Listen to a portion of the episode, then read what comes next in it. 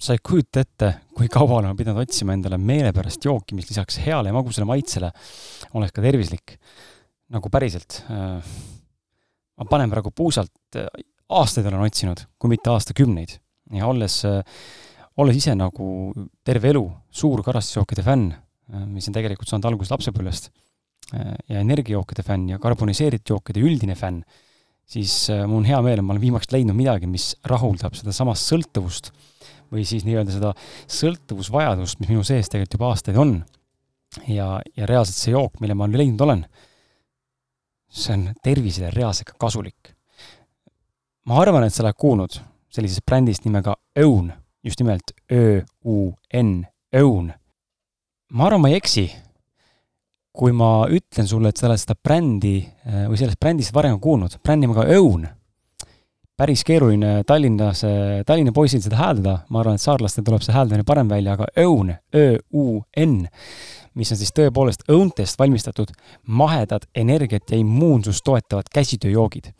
Need looduslikud energiajoogid on ilma lisatud suhkruta, ilma magusaineteta, ilma kunstlike maitseaineteta, ilma säilitusaineteta ja lisaks ka veel sobilikud veganitele, mis on minu jaoks no kirss tordil. vaadates tänapäeva kiiret elutempot, on ilmselgelt igalühel meist hetki kus meie keha ja vaim vajavad veidi virgutust ja tasakaalu. mina vähemalt vajan seda. ja ma tunnen väga tihti eh, just nimelt seda vajadust ja just sellistel hetkedel on lahenduseks olemas õun funktsionaalsed joogid. Need funktsionaalsed joogid on tulvil vitamiinirikastest supertoitudest, nagu näiteks ingver, tšilli, kardemon ja mustsõstramahl, mida toetavad antioksüdantidest pakatavad yerbamate ja matša tee Nende energiajoogis sisalduv looduslik taimne kofeiin saadakse yerba-mate või matša teest ja guaranast. ja nende funktsionaalsete jookide seast leiad endale neli erinevat maitset. Neil on yerba-mate, neil on matša kardemon, neil on ingveri tšilli ja mustsõstra kadaka oma, mis on siis neljas. lisaks leiad õun äh, e-poest veel endale limonaadid ja vahujoogid. igaks juhuks ütlen siia ka disclaimer'i ehk immuunsust tõstev jook ei asenda tasakaalustatud ja mitmekesist toitumist ega tervislikku elustiili. seega palun ole teadlik, mida sa sööd ja kuidas sa oma elu igapäevaselt elad. külasta enda kodulehte ja veepoodi www.own.ee ja leia endale sobivad tooted sealt või suurimatest edasimüügipunktidest, nagu näiteks Coop, Primi, Selver, Prisma, Maxima ja nii edasi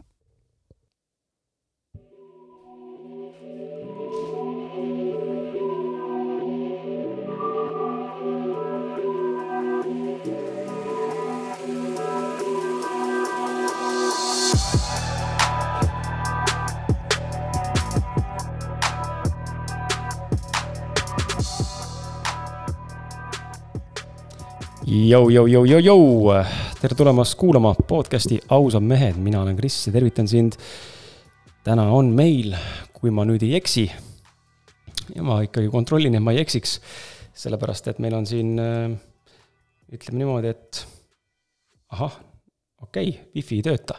Äh, pole hullu, äh, selles mõttes, aga meil on, aa näed, töötab küll, väga hea, hakkas tööle, meil on täna käesolev episood ja, ja number on meil selles mõttes juba päris ilus, et meil on kahesaja kahekümne esimene episood, mida me salvestame. täna hommikul just jalutasin siia kontorisse, millest äh, täna natuke juttu tuleb ka, kus ma käin ja mis ma teen, aga, aga jalutasin ja siis mul tuligi mõttesse, et holy shit, et äh, kakssada kakskümmend pluss episoodi on salvestatud viimase kolme aastaga, et kakssada kakskümmend korda olen vajutanud rekordnuppu ja ja nendest pooled on äh, kindlasti inimesed, kellega ma olen vestelnud üks-ühele, nagu äh, niimoodi on nagu sürm mõelda, et nii palju, nii palju saateid on tegelikult salvestatud ja tõenäoliselt on tulemas veel ja veel ja veel neid.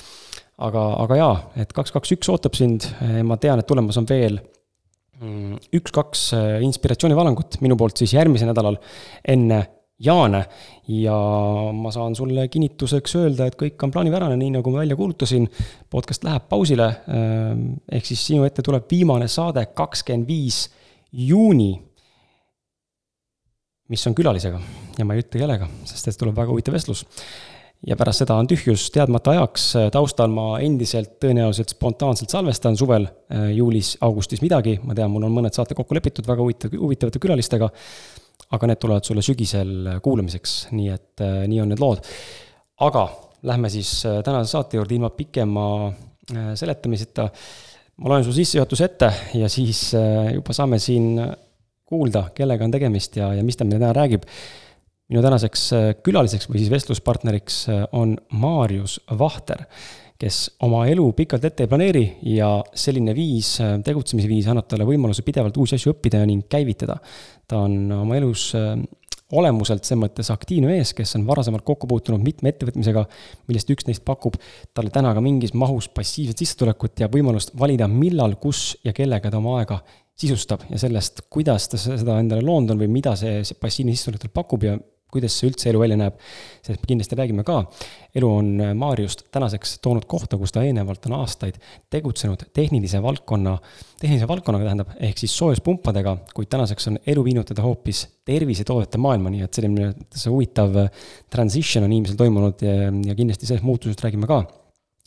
ühtlasi meeldib äh, talle siis filosofeerida ja ta on suur Osho fänn, kelle raamat Hirm on alati tal öökapil. kas see vastab tõele? Eh, saame kohe küsida, aga Osho fänn olen ka mina eh, tänu enda mentorile, kes on mulle Oshot tutvustanud, ma olen lugenud mõningaid raamatuid, aga kõige rohkem meeldib mulle Osho autobiograafia, mis ilmus eelmisel aastal või oli selle aasta alguses, see oli hästi huvitav. ja, ja lisaks siis Maarjus usub, et elu on täisväärtuslikuks nautimiseks ja seda ei tohi hirmudel lasta juhtida talle meeldib mööda ilma, ilma rännata, eriti Tai saartel ja kui tõenäoliselt siis äh, kõige õnnelikum, tähendab, kui tõeliselt, nagu ta ise öelnud on, kõige õnnelikumana tunneb Maarjus end just nimelt Eestis. siin on tema lähedased, sõbrad ja mälestused, nii et sihukese väikse sissejuhatusega, tšau, Maarjus! tšau, Kris! sa pead natuke lähemale tooma ka, ma panen su igaks juhuks natuke valjemaks, kuna Maarjusel klappe ei ole täna, siis ma pean siin suunama, aga see on täiesti okei okay väga vahva, äh, väga lahe on sinuga istuda siin, mul on, ähm, küsid spontaanselt alustaks saadet sellest, et äh, kiida sina mind ja heas mõttes, mitte üldse hea, nagu mitte halvaga ega kuidagi egoistlikult, aga sa oled podcast'i kuulaja tegelikult olnud mõnda aega. ja, ja ma ei ole küll nüüd selles mõttes nagu suur fänn, aga, aga ikkagi aeg-ajalt ta mul sealt Spotify'st läbi käib ja ma näen ja, ja kui ma mõtlen mingit podcast'i vaadata või kuulata siis äh, alati ma sirvin esimesena sinu podcast'i, et millised külalised sul seal on, olnud on. kas sa mäletad, suudad meenutada, milline oli esimene podcast episood, mille peale sa sattusid? mis klikkas uh,? Uh, uh, või millal see olla võis, aasta tagasi, pool aastat tagasi, kuu aega tagasi? no pigem ikka aasta või, või natuke rohkem tagasi juba jah uh. -huh et, et äh, aga, aga mulle, nagu ma siin, äh, sa enne mulle seda intro muusikat lasid, et, et see on algusest peale nagu kõnetanud, aga mis see esimene oli? Ma võin öelda, mis see, mis see mm, äh, viimane oli mm, -hmm. mida ma kuulasin no.. oli äh, Toomas Piik vist oli või? Piik. Toomas Piik, jah. Toomas Piigiga, jah, just see oli väga põnev kuulata just sellest äh, ähm,, sellist teemat siis, mida siis Toomas siin äh, ajab. ja Jesper Parvega oli väga huvitav mm -hmm. saade samuti, et, et Äh, Toomas Piigi saade on jah, meil üsna värske, kui sul on huvi, siis äh, hashtag kakssada üheksateist nimega Reiki meistris, meistrist maatriksi häkker Toomas Piik, saad kõik, mida küsid, elame vaba tahte maailmas, leiad sa ilusti üles enda meelepärasemast äh, ütleme siis podcast'i kuulamise platvormist ja samuti ka Jesper Parve saade, hashtag sada üheksakümmend, sada üheksakümmend kaheksa saade. Jess kirjastuse looja ja tegevjuht Jesper Parve, et edukaks saada, peab vahel sõnnikut sööma, tegelikult oli see, et vahel, vahel sitta sööma, aga ta ei saanud. ta ei luba mul kasutada sõna sitta, sellepärast et täna eh, loob ju eh, sinna oma sinna saarele loob ka kooli ja ta suhtleb väga palju haritud akadeemiliste inimestega, kelle, kelle tõttu ütles, et paneme ilusama sõna, et Sõnnik sõnnik, nii et äh, tegelikult oli sitt, aga sitt äh, vahet pole, mõlema sama, siis et see, mulle tundub, ma ei tea, kuidas Maarjas sinuga, mulle tundub, et äh, äh, roppused äh,, ükskõik, noh, kui muidugi jälle me võime siin selle üle arutada, kas see on hea või halb, eks ole, kui inimene ropendab, mina ütlen, et see on okei okay,, sõltub, mis kontekstis ja, ja mis mahus äh,. aga mulle tundub, et roppustega see point jõuab paremini kohale. ta on nagu selles mõttes nagu võimendatud sõnum või nagu kandja, et sa saaksid aru tegelikult, mis tähendus seal taga inimesel on jaa, absoluutselt, ma olen selles mõttes sinuga nõus, et, et teinekord eh, ropendada kindlas, kindlas eh, keskkonnas või, või teatud kohas on nagu väga vabastav ja oma sõnumit nagu edasi anda ja selles mõttes mulle ka meeldivad sinu podcast'id, et sa oled nagu selles mõttes hästi aus. et sinu sõnu, sõna, sõnakasutus ja, ja, ja, ja ka see kriitika, mis sa ka enda kohta teed või, või teiste kohta teed, on suhteliselt otse nii-öelda kümnesse ja sa ei jäta nagu seal väga palju fantaseerimisruumi, et, et, et, et ja, ja muidugi, kui sinu kiitmisest veel rääkida, et see sinu sisemine tuli ja, ja see järjepidevus, millega sa oled teinud neid podcast'e, on ka meid ju tegelikult kokku viinud, eks ju. just, ja selleni me jõuame ka täna, sest et äh, elu on huvitav, et üks uks sulgub, teine avaneb ja, ja selle teemani me jõuame ka, aga aga jaa, see on huvitav, et just nagu see roppus ja, ja selline autentsus või nagu brutaalne otsekohesus, et see ei ole nagu see koht, kus õigustada ennast, aga ma näen ise väga hästi ka, et on inimesi, kellele see ei meeldi üldse.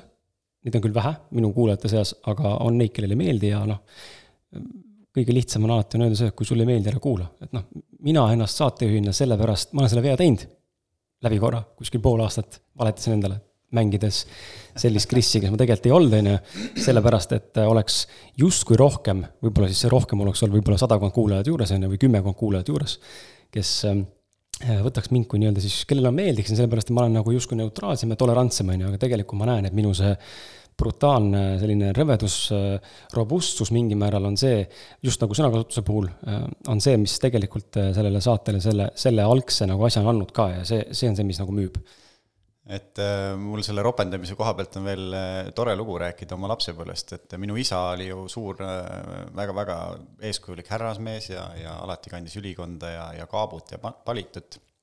üleüldse lasi äh, Äh, naisi siis esimesena uksest sisse ja avas autouksi ja nii edasi, noh, kõik nagu, mis härras meil olema peab, oskas tantsida. Gentleman. Gentleman, tõeline mm -hmm. gentleman, et, et väga, väga kihvt eeskuju mulle. ja ega ma ei kuulnud teda ropendamas. Aga ma nägin teda alati, kui ta naeris südamest, kui keegi nagu oli aus ja julges ropendades midagi mm välja öelda, siis seda ajas kohutavalt naerma ja, ja, ja seda oli nagu hästi kihvt vaadata. see tegelikult on ju see on nagu tegelikult ka peegeldus sellest, et tegelikult tema enda sees tõenäoliselt mingi osa sellest tegelikult nagu hindas seda või nagu kai-, nautis seda. jaa, kindlasti, kindlasti, et see oli see peegeldus ju, et, et eh, noh, et kui ma ei oleks selline härrasmees, küll ma siis ütleks ka. jaa, jah, see on väga huvitav.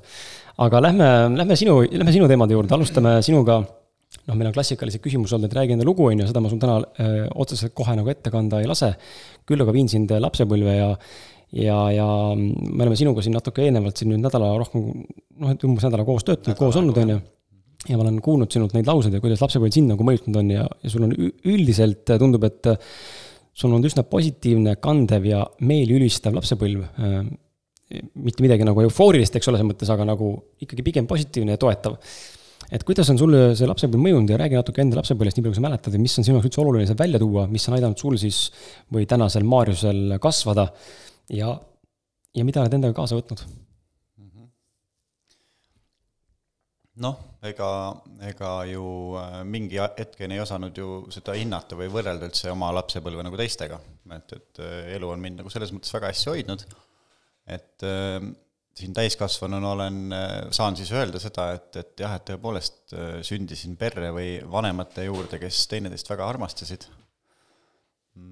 nad olid teineteist, teineteise jaoks kõige tähtsamad ja, ja lapsed siis nende elus olid nii-öelda nagu satelliidid, kes äh, võtsid nende elust osa, mis on, ma arvan, et äh, õnneliku peremudeli äh, väga suur alus. on see, et tegelikult vanemad oleks vanemad, number üks teineteisele? Teineteisele, pluss nad iseendale, et nad väga mm -hmm. nagu austasid teineteise ruumi, neil oli mõnes mõttes nagu visiit abielust, minu isa töötas Tallinnas, me elasime ise Türil, ema töötas Paides ja, ja nad, siis isa läks alati niimoodi, et ta esmaspäeva hommikul läks rongiga Tallinnasse, tuli kolmapäeval tagasi, neljapäeva hommikul läks uuesti rongiga ja tuli siis reede õhtul tagasi, olime nädalavahetusel koos, ehk neil oli kogu aeg niisugune oma ruum ja, ja mõnes mõttes võib-olla nad ei, siis ei tüütanudki teineteist ära, vaid need, see oli pidevalt nagu värske ja, ja, ja samas nad, nad olid teineteisele kogu aeg kättesaadavad telefoni teel, et, et nad olid nagu olemas, aga samas neil oli oma ruum, et nad pidid iseenda õnnelik olemise eest vastutama. mis on minu meelest äh, ka väga-väga suur nii-öelda oskus ja, ja alus, et, et suhe toimiks. kuidas sulle mõjus see, et äh, või su õele näiteks, äh, ma ei tea, kas sa oled oma õega üldse rääkinud sellest, aga, aga kuidas mõjus nagu see, et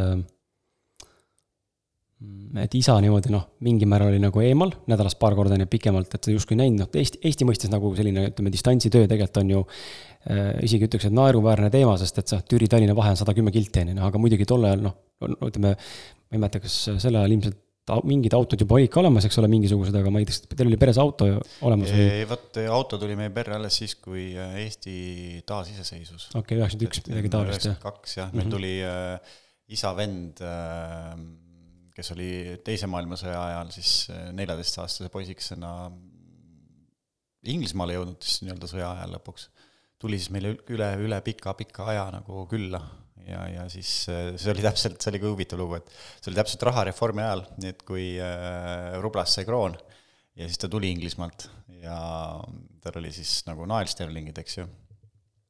ja küsis, et mis see kurss on.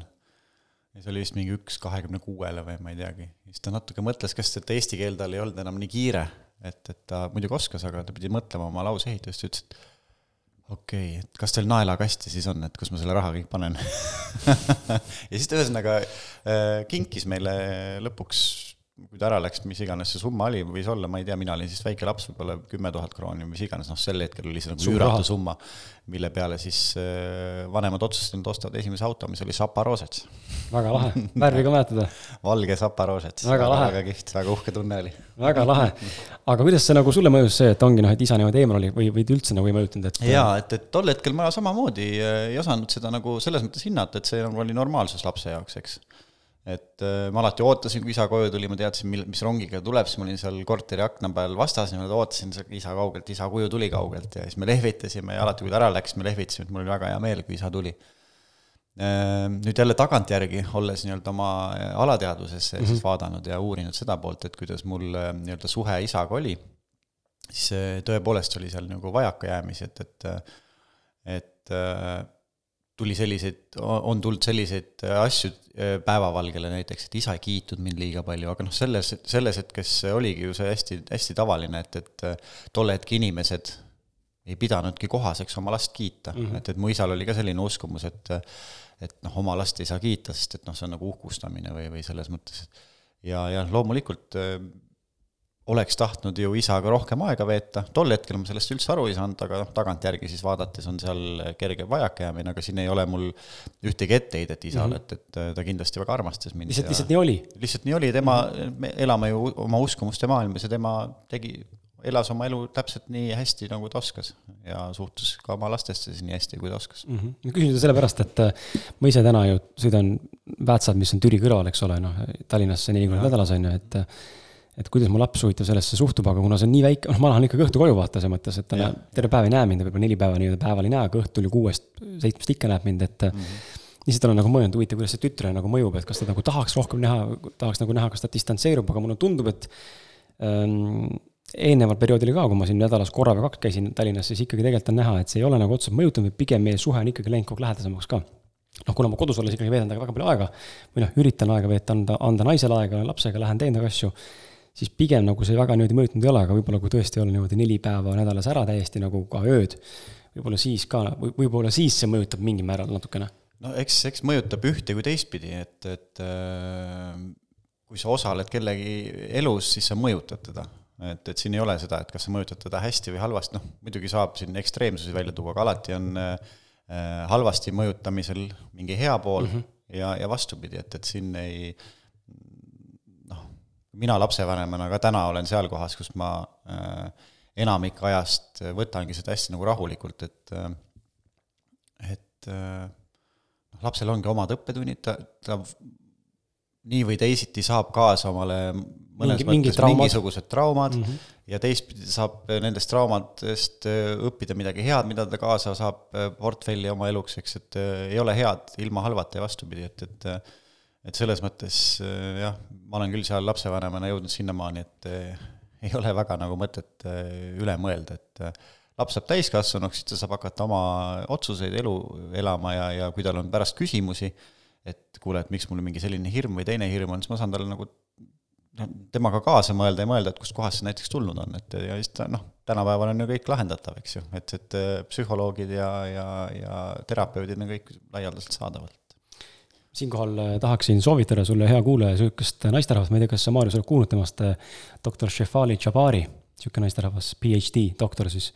ta räägib väga hästi, ta on, ma, ma, ma, ma arvan, et ta on sinuvanune kuskil sihuke, läheneb sinna neljakümnele äkki, tundub päris noor olevat, aga no arvestades ta on doktor ja ta on ka laps, äh, siis noh, ma arvan, et ta minust tiba vanem, et ma just kuulasin, eile sõites linna, kuulasin tema ühte see on see Tom Bilju naine, Liisa Bilju teeb seda Woman of Impact podcast'i Tom Pillu endal on see impact theory on ju, siis naine teeb tal midagi muud ja siis Šefal oli seal ka, rääkis tund aega nagu mingist viiest armastuse müüdist. noh, seal oli mingi teema, et kas naine peaks äh, tundma ennast halvasti, kui ta ei taha lapsi saada, on ju, et see on nagu ühiskonna peale, peale surutud, justkui nagu peame naiste lapsed saama, tegelikult ei pea, kui me ei taha, on ju. ja siis üks punkt oli veel see ka, et äh, tõi hästi välja just selle, et äh, ideaalne ema või ideaalne lapsevanemaks olemine on põhimõtteliselt võimatu missioon ja või, ja samuti on ideaalne lapse kasvatamine võimatu missioon, et sa võid anda endast parima selles mõttes ja ilmselt, kui sa oled teadlik lapsevanem, siis sa teedki seda, et anda parim, eks ole. Äh, aga sa pead olema nagu valmis ennast ka distantseerima sellest, et tulevad sisse asjad, mida, mida lihtsalt ei ole, mille pärast ei ole mõtet ennast nagu süüdistada või nagu elu lõpuni tappa, on ju. ja ma näen täna enda e-, e-, elukaaslase pealt just eriti, kuidas tema nagu hästi selles mõttes selle lapse, ütleme sellise conscious parenting nagu süsteemis tugevalt sees.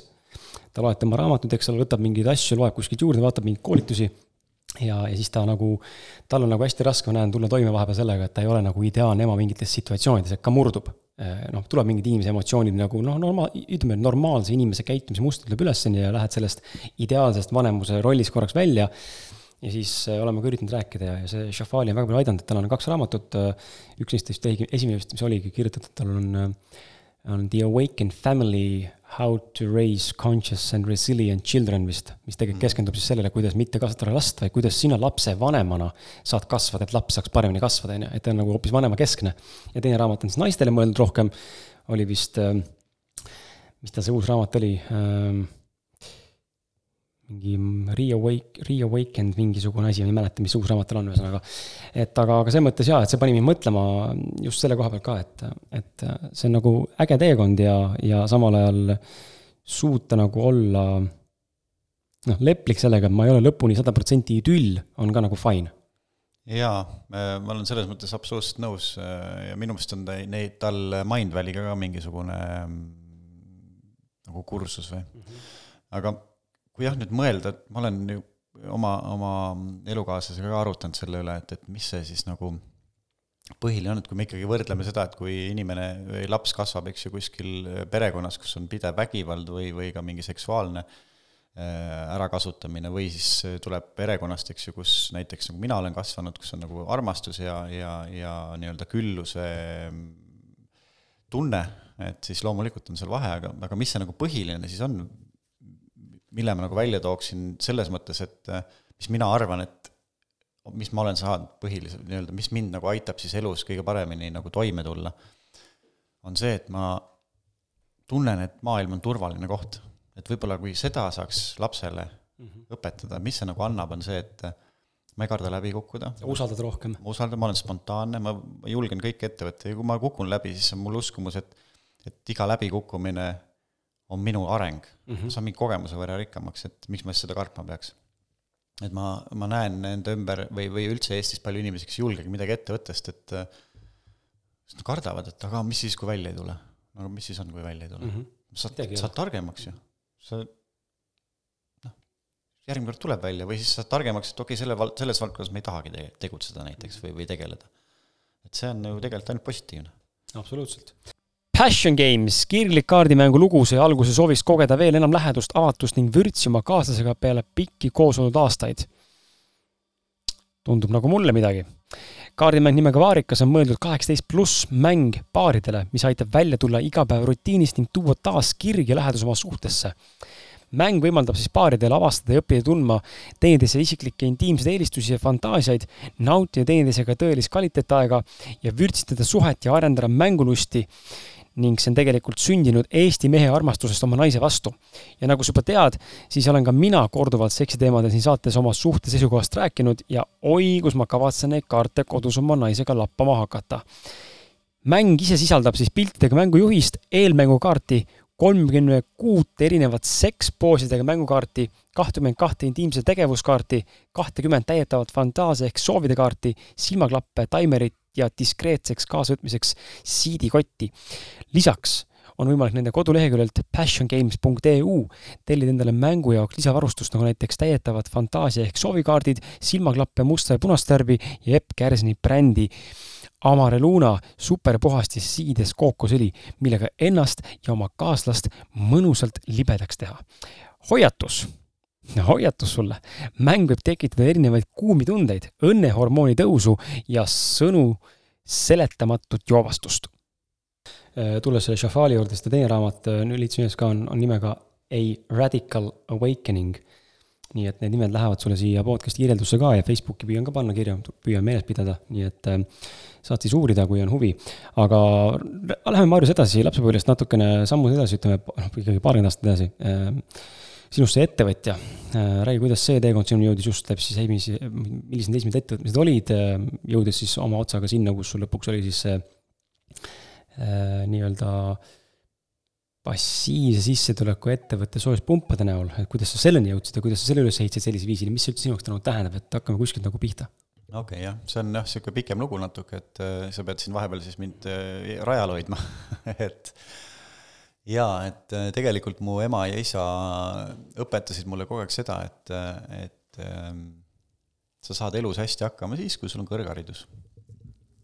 ja, ja kui sul kõrgharidust ei ole, noh, siis sa pead minema kuskile kraavihalliks või, või tegema füüsilist tööd, aga noh, kuna ma olin eh, lapsepõlves ka päris peenike, mul oli isegi hüüdnimi Makaron, siis ta ütles, et no aga noh, sa oled ju nii noh, füüsiliselt nagu ikkagi nii, nii äh, väike, vaata, või, või peenik, et noh, sa ei jõua ju kraavi ka kaevata, et ainuke võimalus, kuidas sa saad elus läbi lüüa, on kõrgharidus, sa saad hea töökoha ja siis sul on nagu elu, elu on ilus, eks ju. mis on tegelikult täiesti absurdne kodeering, sest peenesus ei näita alati jõudu, noh, mingil määral, aga nagu tegelikult ta ei ole ju nii, nii, noh, kuule, kraavi võid ikka kaevata no ei noh, loomulikult selles mõttes loomulikult, aga see oli nende uskumus, selles mõttes, et mm -hmm. nemad andsid oma parima uskumuse, tahtsid mulle edasi anda nii-öelda mõnes mõttes nagu ma ei tahaks öelda Suund, hirmutada, aga suunda. jah, et, et noh, et kui sust, kui sul kõrgharidust ei ole, siis on ikka elu päris kehvasti. Mm. -hmm. nii. Äh, kõrgharidust mul ei ole. Ja elu ei ole kehvasti. Elu ei ole kehvasti, elu on väga-väga mõnus, aga, aga sellega, selle üle jah, kõrghariduse mõttes oli mul ikka väga suuri, suuri nagu süümepiinu, et, et äh, ma ei julgenud tihtipeale, kui ma olin noorem, öelda, et mul ei ole kõrgharidust, mul oli nagu väga piinlik selle pärast ja ja kui mul kõrgkoolid äh, pooleli, ma olen tegelikult kolmes kõrgkoolis käinud, ühtegi pole lõpetanud sellepärast, selles mõttes kõrgharidus mul nagu mõnes mõttes on, aga mul ei ole diplomit. pooleldi omandatud. just, just, et ma olen ikkagi niisugune viis aastat või kuus aastat kõrg, erinevates kõrgkoolides õppinud. aga miks sa lõpetanud ei ole? Eh, no just nimelt, et sunniti, vaata okay.. et seal tekib kohe see konflikt, et, et kui midagi sunnitakse, siis sa teed nagu seda vastu tahtmist, et, et mm -hmm. ju see siis ei olnud kas minu eriala või minu tee. Ühesõnaga, aga siis ma, väga mind huvitasid lapsepõlves arvutid ja, ja arvutitega mängimine ja, ja, ja kõiki siis mingite oma mingite kerg-, väikeste nii-öelda programmide tegemine ja võrkude ehitamine ja nii edasi, nii edasi. siis ma Tallinnasse tulles, kui ma TTÜ-sse läksin, läksin peaaegu kohe ka tööle ühte ette, arvutite, arvutite alale. IT-ettevõttesse. IT-ettevõttesse mm -hmm. just, sain sinna tööd ja, ja küll see väike ettevõte läks varsti pankrotti siis mulle pakuti juba palju suuremast kohast äh, tööd ise, ise helistati, öeldi, et me oleme kuulnud sinust head. Sain sinna tegelikult väga hea palga peale tolle aja kohta. aga kus see hea levima hakkas? Äh, tol ajal ju ei olnud äh, sotsiaalmeediat, kus oleks näinud nagu sinu nii-öelda portfooliot või mingit töötulemust või sõnavõttu kuskil. jaa, aga sellegipoolest IT-ettevõtted omavahel nagu Suhtavad. suhtlesid mm, -hmm. et, et, et ja, ja ilmselt vastutustundliku tööandjana nad siis ka noh, soovitasid või nähes, et, et ettevõttel ei ole pikka nagu jätku, et siis äh, proovisid meid, meie eest ka seista ja ja, ja see, seal oli ka hästi tore nagu lugu. ma selle, selle tahaks ära rääkida mm, -hmm. kuidas ma selle kõrge palga peale siis sain. et, et kui ma seal eelmises ettevõttes sain sealt nat-, üle miinimumi natuke, sest et kuna noh, ma olin seal poole kohaga ja ja, ja, ja kõige esimene töökoht, siis ega see kõrge palk ei olnud, et, et ema natuke siis ikkagi toetas mind veel lisaks aga siis sellel uues, uues töökohas oli äh, tööintervjuu ja me rääkisime, rääkisime ja kõik oli väga positiivne, siis ta küsis, et äh, nii okei okay,, et väga tore, aga mis palka tahaksid saada, noh, kui mul seal oli, ütleme seal mingi tuhat viissada krooni või noh, ikka miinimumi lähedal, siis ma mõtlesin, et, et noh, et kui ma ikkagi tulen siia nagu täiskohaga tööle, siis ma tahaks nagu mingi, mingi viis tonni saada kätte. ja, ja ja siis ma ütlesin selle peale, et no ma tahaks kuus tuhat saada, selle peale ta vastas, no sobib, et järgmisest nädalast alustad tööd, siis mõtlesin, et kurat, tahaks nüüd veel rohkem küsida. Aga sellest nagu see mõte jah, et, et alati küsi natuke rohkem, on ju, et, et mine tea. nii, aga siis ma te, tegin seal nii-öelda karjääri ja, ja harisin ennast, käisin koolitustel ja olin tegelikult väga, väga tunnustatud äh, spetsialist arvutialal, oskasin suuri arvutivõrke ehitada, nii-öelda administratiivset poolt ikkagi jagasin serverite koha pealt ja, ja see oli mul nagu väga käpas. ja siis hakkas tekkima mul see tunne, et äh, mul ei ole vabadust piisavalt, ma ei taha käia kaheksast kuueni tööl või üheksast kuueni. ja see vabadus tekkis mul tegelikult Eh, natuke pentsikul eh, nagu põhjusel, ehk et eh, noorena ju mulle meeldis pidutseda. ja kui mul ikkagi oli hommikul pohmaks, on ju näiteks esmaspäeva hommikul, mitte et see mul kogu aeg oleks olnud, aga, aga aga siis ma pidin ju noh, ma ei tahtnud tööle minna. kuidas ma siis, tol hetkel ma mõtlesin, no kuidas ma ütlen ülemusele, et ma eile panin pidu, noh, ma ei tule tööle, on ju. siis helistasin talle, ütlesin, no kas mul kõht valutab või või mul on paha olla või no mida iganes, mingi toidumürgitus, see on niisugune vale, vale, eks ju, et ma saaks ennast välja magada. ja see pani mind kohutavalt halvasti tundma, ütlesin, miks ma pean valetama, vaata. et mis see lahendus on? See lahendus, mõtle, siis ma mõtlesingi, et aga lahendus on see, et ma olen iseendale tööandja, vaata. et, et siis ma vastutan ainult iseenda eest, muidu ma vean alt enda tööandjat, eks ju, ma nagu panen pidu, ma valetama ei lähe, siis ma ei anna oma panust, tema mulle ikka palka maksab, et see tekitas halba tunnet, aga kui ma ise vastutan iseenda eest, siis noh, kui ma ei lähe, siis ma teen endale sellega karuteene, vaata. ja sealt hakkas nagu kerima. sealt hakkas mul kerima vaikselt see idee ja noh, see oli tegelikult ikka paar-kolm aastat, see järjest-järjest mul tekkis mingid ideed, mida teha võiks ja siis ma vahetasin tegelikult vahepeal töökohta, et ma, see IT-valdkond mul ka tänu sellele, kogu sellele sisemisele muutusele hakkas nagu noh, viskas nagu koppa ette, mõtlesin, no kuhu ma jõuan, et ma, ma saan ju siin karjääri teha, aga ma ei taha enam seda siis ma vahetasin oma töökohta, läksin täiesti spontaanselt fotolaborite parandajaks ja remondimeheks või noh, administraatoriks või kuidas, kuidas seda öeldakse. Olles mitte kunagi kokku puutunud mingite fotolaboritega noh, elu sees, aga noh, kuna mul sõber oli seal tegevjuht ja küsis, et kas sul mingit tehnikahuvilist äh, inimest on, kes tahaks tulla, siis ma ütlesin, et mina olen. et, äh, et siis, siis ma sattusin sinna ja siis ma mõtlesin, et oh, ma panen mingi oma mingi fotolabori businessi püsti varsti, et hakkan mingit pilti ilmutama, on ju. ja, ja see kõik lõpuks päädis sellega, et, et üks sõber, kelle juures ma olin IT-aegadel käinud nende arvutivõrke hooldamas ja niisugust asja, ma olin sõbraks saanud, saatis mulle üks õhtu sõnumi, et kuule, et teeme firma. ma olin, mäletan, ma olin voodis oma tolleaegse brutaga, äh, vaatasin oma telefoni, on ju, ja siis kirjutasin vastu kohe, et teeme ma ei teadnud üldse, mis tal nagu plaanis on, eks ju.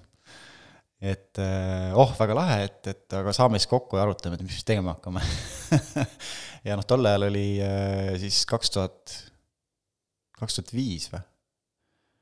Oli see aasta vist jah, et siis oli ju kõva nagu ehitusbuum, kaks tuhat kuus või midagi niisugust. ja siis me mõtlesime, oh davai, hakkame kuradi maju ehitama, on ju, arendama, hakkame arendajateks. siis panime selle eelarve kokku, vaatasime, et see on nii suur papp, et seda pappi meil kuskilt võtta ei ole, et, et maja, maja üles ehitada. ja, ja see sõber siis töötas samal ajal äh, ühes suures kontsernis, Saksa, noh, Wiesmanni kontsernis, kus, mis pakkus küttelahendusi majadele ja ta ütles, et aga hakkame siis, kui meil seda, seda pappi pole, et hakkame siis küttelahendusi majadele pakkuma, on ju, et kui me maju ei ehita. ma ütlesin davai, aga noh, mul polnud mitte mingisugust kogemust, noh null, täiesti zero. et äh, mingid küttesüsteemidega ma olin kohe nõus, ma ütlesin, et hakkame, noh. ma ütlesin, et see oli kuidagi sellega seoses selle vabaduse sooviga, vaata, et ma saan nagu ise lõpuks hakata tööandjaks. Ütles, et ära muretse, et, et äh, ma olen ise koolitaja seal, eks ju, et tuled koolitustele, õpid ära see oli ka tore lugu, et siis ma läksin esimesele koolitusele, kus olid siis niisugused vanad äh, torumehed kõik koos, on ju, kes olid ikkagi eluaeg tegelenud gaasiküt-, gaasikatelde värkidega ja ja siis vaatan seda koolitust ja mingid hüdraulikaskeemid on, on ju, lau-, äh, seina peal, noh, mul on füüsika olnud tegelikult kolm, on ju. Hüdraulikaskeemid ja mingid pealevool ja tagasivool ja räägivad seal, on ju, ja noh, tol hetkel täiesti käsi südamel, ma mõtlesin, et pealevool või tagasivool on mingi elektriga seotud aga tegelikult on see vool, mis on siis veevool torustikus, on ju. mõtlen, ja siis ta küsib, see koolitaja küsib siis küsimusi nende käest, kes on nagu laua taga, on ju. et noh, et mis te arvate, kuidas see siin nagu käib, noh, mingid sellised kaasa panna mõtlema, eks ju. ja nad ei oska vastata. Ja mõtlen isegi nemad ei oska vastata, kuidas ma üldse selle asja nagu ära õpin, et mis asja, on ju. aga noh läks niimoodi, et, et, et jälle rahutus minu sees, mõtles, et mis mõttes ma ei saa hakkama, on ju, või mis mõttes ma ei õpi ära. Tol hetkel oli internet ka juba nii äh,, nii nii-öelda kättesaadav, kõik tehno-, tehno-, tehnoloogiat, no mida iganes said nagu õppida ise nii-öelda, võtsin selle asja ette, tegin omale need soojuspumba värgid selgeks, kusjuures läksin veel samal ajal ka gaasikoolitusele, tegin endale vastutava spetsialisti paberid, ehk et me võisime teha gaasitöid minu allkirjaga aga muidugi, et seda allkirja saada, oli veel selline pull lugu, et keegi pidi ütlema või tõendama, et ma olen kaks aastat töötanud sellel alal gaasialal. aga selle allkirja ma siis sain ikkagi ka kätte. ehk et kus on nagu soov või tahe midagi saada, siis seal on alati võimalused, et et võib-olla jah, see mõttetera ka, et, et kui, kui te tunnete, et, et te hakkate nagu, tahate midagi saada, aga te hakkate leidma põhjusi, miks seda mitte saada või kuidas seda ei saa, siis mõelge, kas te tegelikult tahate seda, et, et ilmselt ei taha. Et seal on nagu mingisugused niisugused ala, alam, niisugused mehhanismid, mis siis tegelikult hoiavad teilt, te, teist, teid eemal sellest, et et siis ma sain selle allkirja kätte, hakkasime rõõmsalt gaasitöid tegema, esimene, esimene klient oli ka meil äh, hästi tore, tore nagu niisugune juhus, et, et ta maksis meile kogu selle asja äh, sularahas. Võib-olla ma ei tohiks seda rääkida, aga see on nii-öelda aegunud juba, see oli nii ammu, sularahas, äh, mille, et me saime siis nii-öelda soodustingimustel äh, soetada omale esimese bussi, tööriistad, et me kasutasime selle kõik nüüd, investeerisime sellesse ettevõttesse tagasi, et me saime nagu hästi suure nii-öelda start, stardipaugu sealt.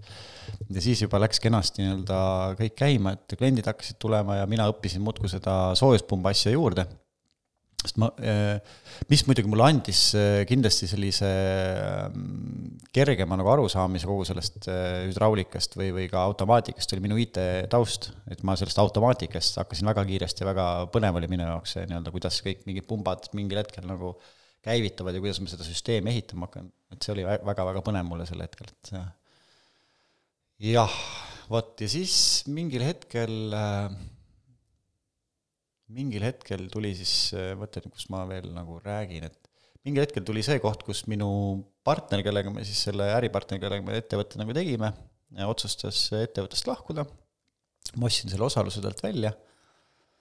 ja siis ma tundsin, et ma tahaks, et mul oleks ettevõte kunagi, mis toodaks mulle nii palju raha, et ma saaks lihtsalt minna reisile ma saan olla reisil kuu või kaks või kolm või pool aastat ja mul on passiivne sissetulek ja ma pean muretsema selle eest, kuidas mu ettevõttel seal läheb, et see kõik töötaks ise. mul ei olnud mingit äh, maania grandiosat, et mul peaks olema nagu Tesla-suurune ettevõte, et ma saaks, et aga see oli minu nagu niisugune südamesoov. ja, ja see oli tõesti, see hakkas kõik tundest, ma mõtlesin, et see oleks nagu nii suur heaolutunne tekkis mul südamesse, et mõtlesin, vau, see oleks nagu võimalik, see oleks nagu nii lahe. et, et see nagu mõnus tunne tekkis. ja, ja siis hakkas kõik kuidagi, ja ma ei jäänud sinnasse nagu mõttesse kinni, et ma pean hakkama ehitama ettevõtet, mis nagu mulle hakkab sisse tooma veel ja mingi X aasta pärast, mul lihtsalt, see tunne lihtsalt läks nagu kuidagi universumisse siis või, või kuhugi. ja siis minu ümber hakkasid tekkima inimesed, kes äh, ise selles mõttes, et, et äh, praegune tegevjuht Ait Nordis, Rasmus helistas mulle, kuule, vaata, mäletad, me mängisime pokkerit mingi aasta tagasi, et sa ütlesid, et sa tahaks mingeid müügimehi omale. et, et äh, me siin Rauliga oleme mõelnud, et, et me võiks tulla nagu, et, et, äh, et me, me ei oska küll midagi, aga see, see ala tundub nagu, nagu potentsiaalikas, et kui sa viitsid õpetada, et siis me nagu prooviks. muidugi viitsin õpetada, tulge ma ei teadnud midagi, nad olid minust kümme aastat nooremad, siiamaani on.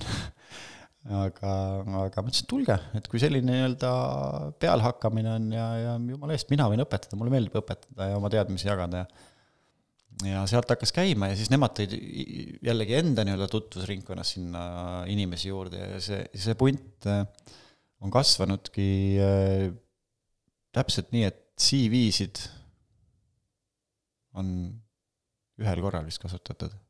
ehk et see on nagu tulnud täpselt niimoodi, et, et nagu ma sinugagi nagu tuttavaks sain, et see tunne, ma vaatan, kas inimene on see inimene, kellega ma tahan kaheksa tundi päevas või noh, hästi suure aja päevast nii-öelda koos veeta ja, ja kõik see professionaalne oskus, noh, see on õpitav.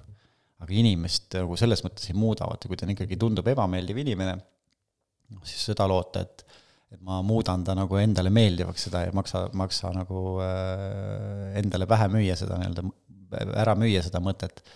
aga professionaalseid oskusi saab inimene igal juhul õppida, et see ei ole nagu küsimus.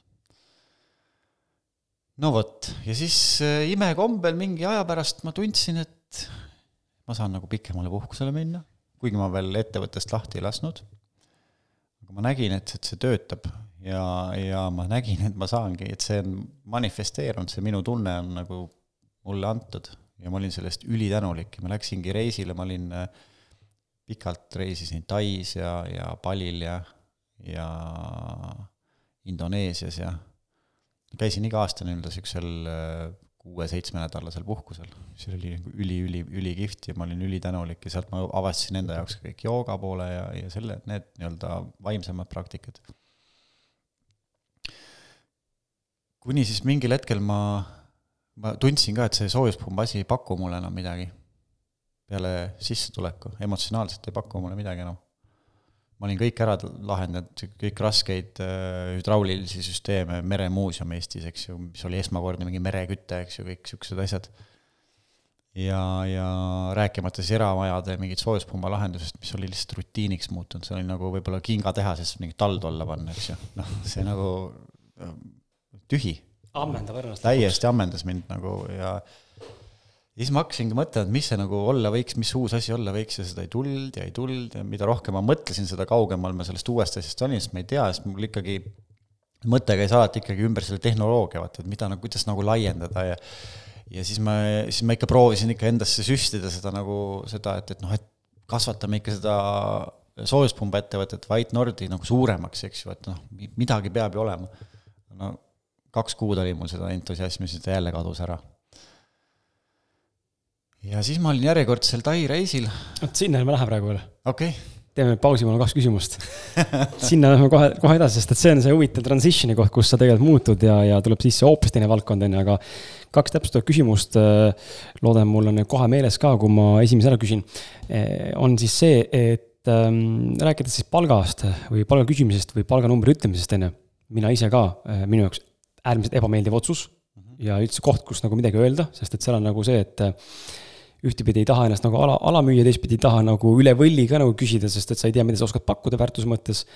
ja teistpidi sa ei tea, mis seis ettevõttel, eks ole, on, on ju, mhm. millised on omaniku või äh, nii-öelda siis sinu tööandja ootused või, või mõtted olnud selle peale, palju ta on nõus maksma üldse, on ju, et kuidas sinu jaoks nagu see dünaamika toimunud on nii, nii palga küsijana kui ka palga siis ütleme, andjana või töötasu väljaandjana, et kuidas, kuidas nagu anda inimestele nagu soovitust, et mis aitaks seda, seda nii-öelda nagu ütleme, sellist palgaläbirääkimist mõnusamalt läbi viia?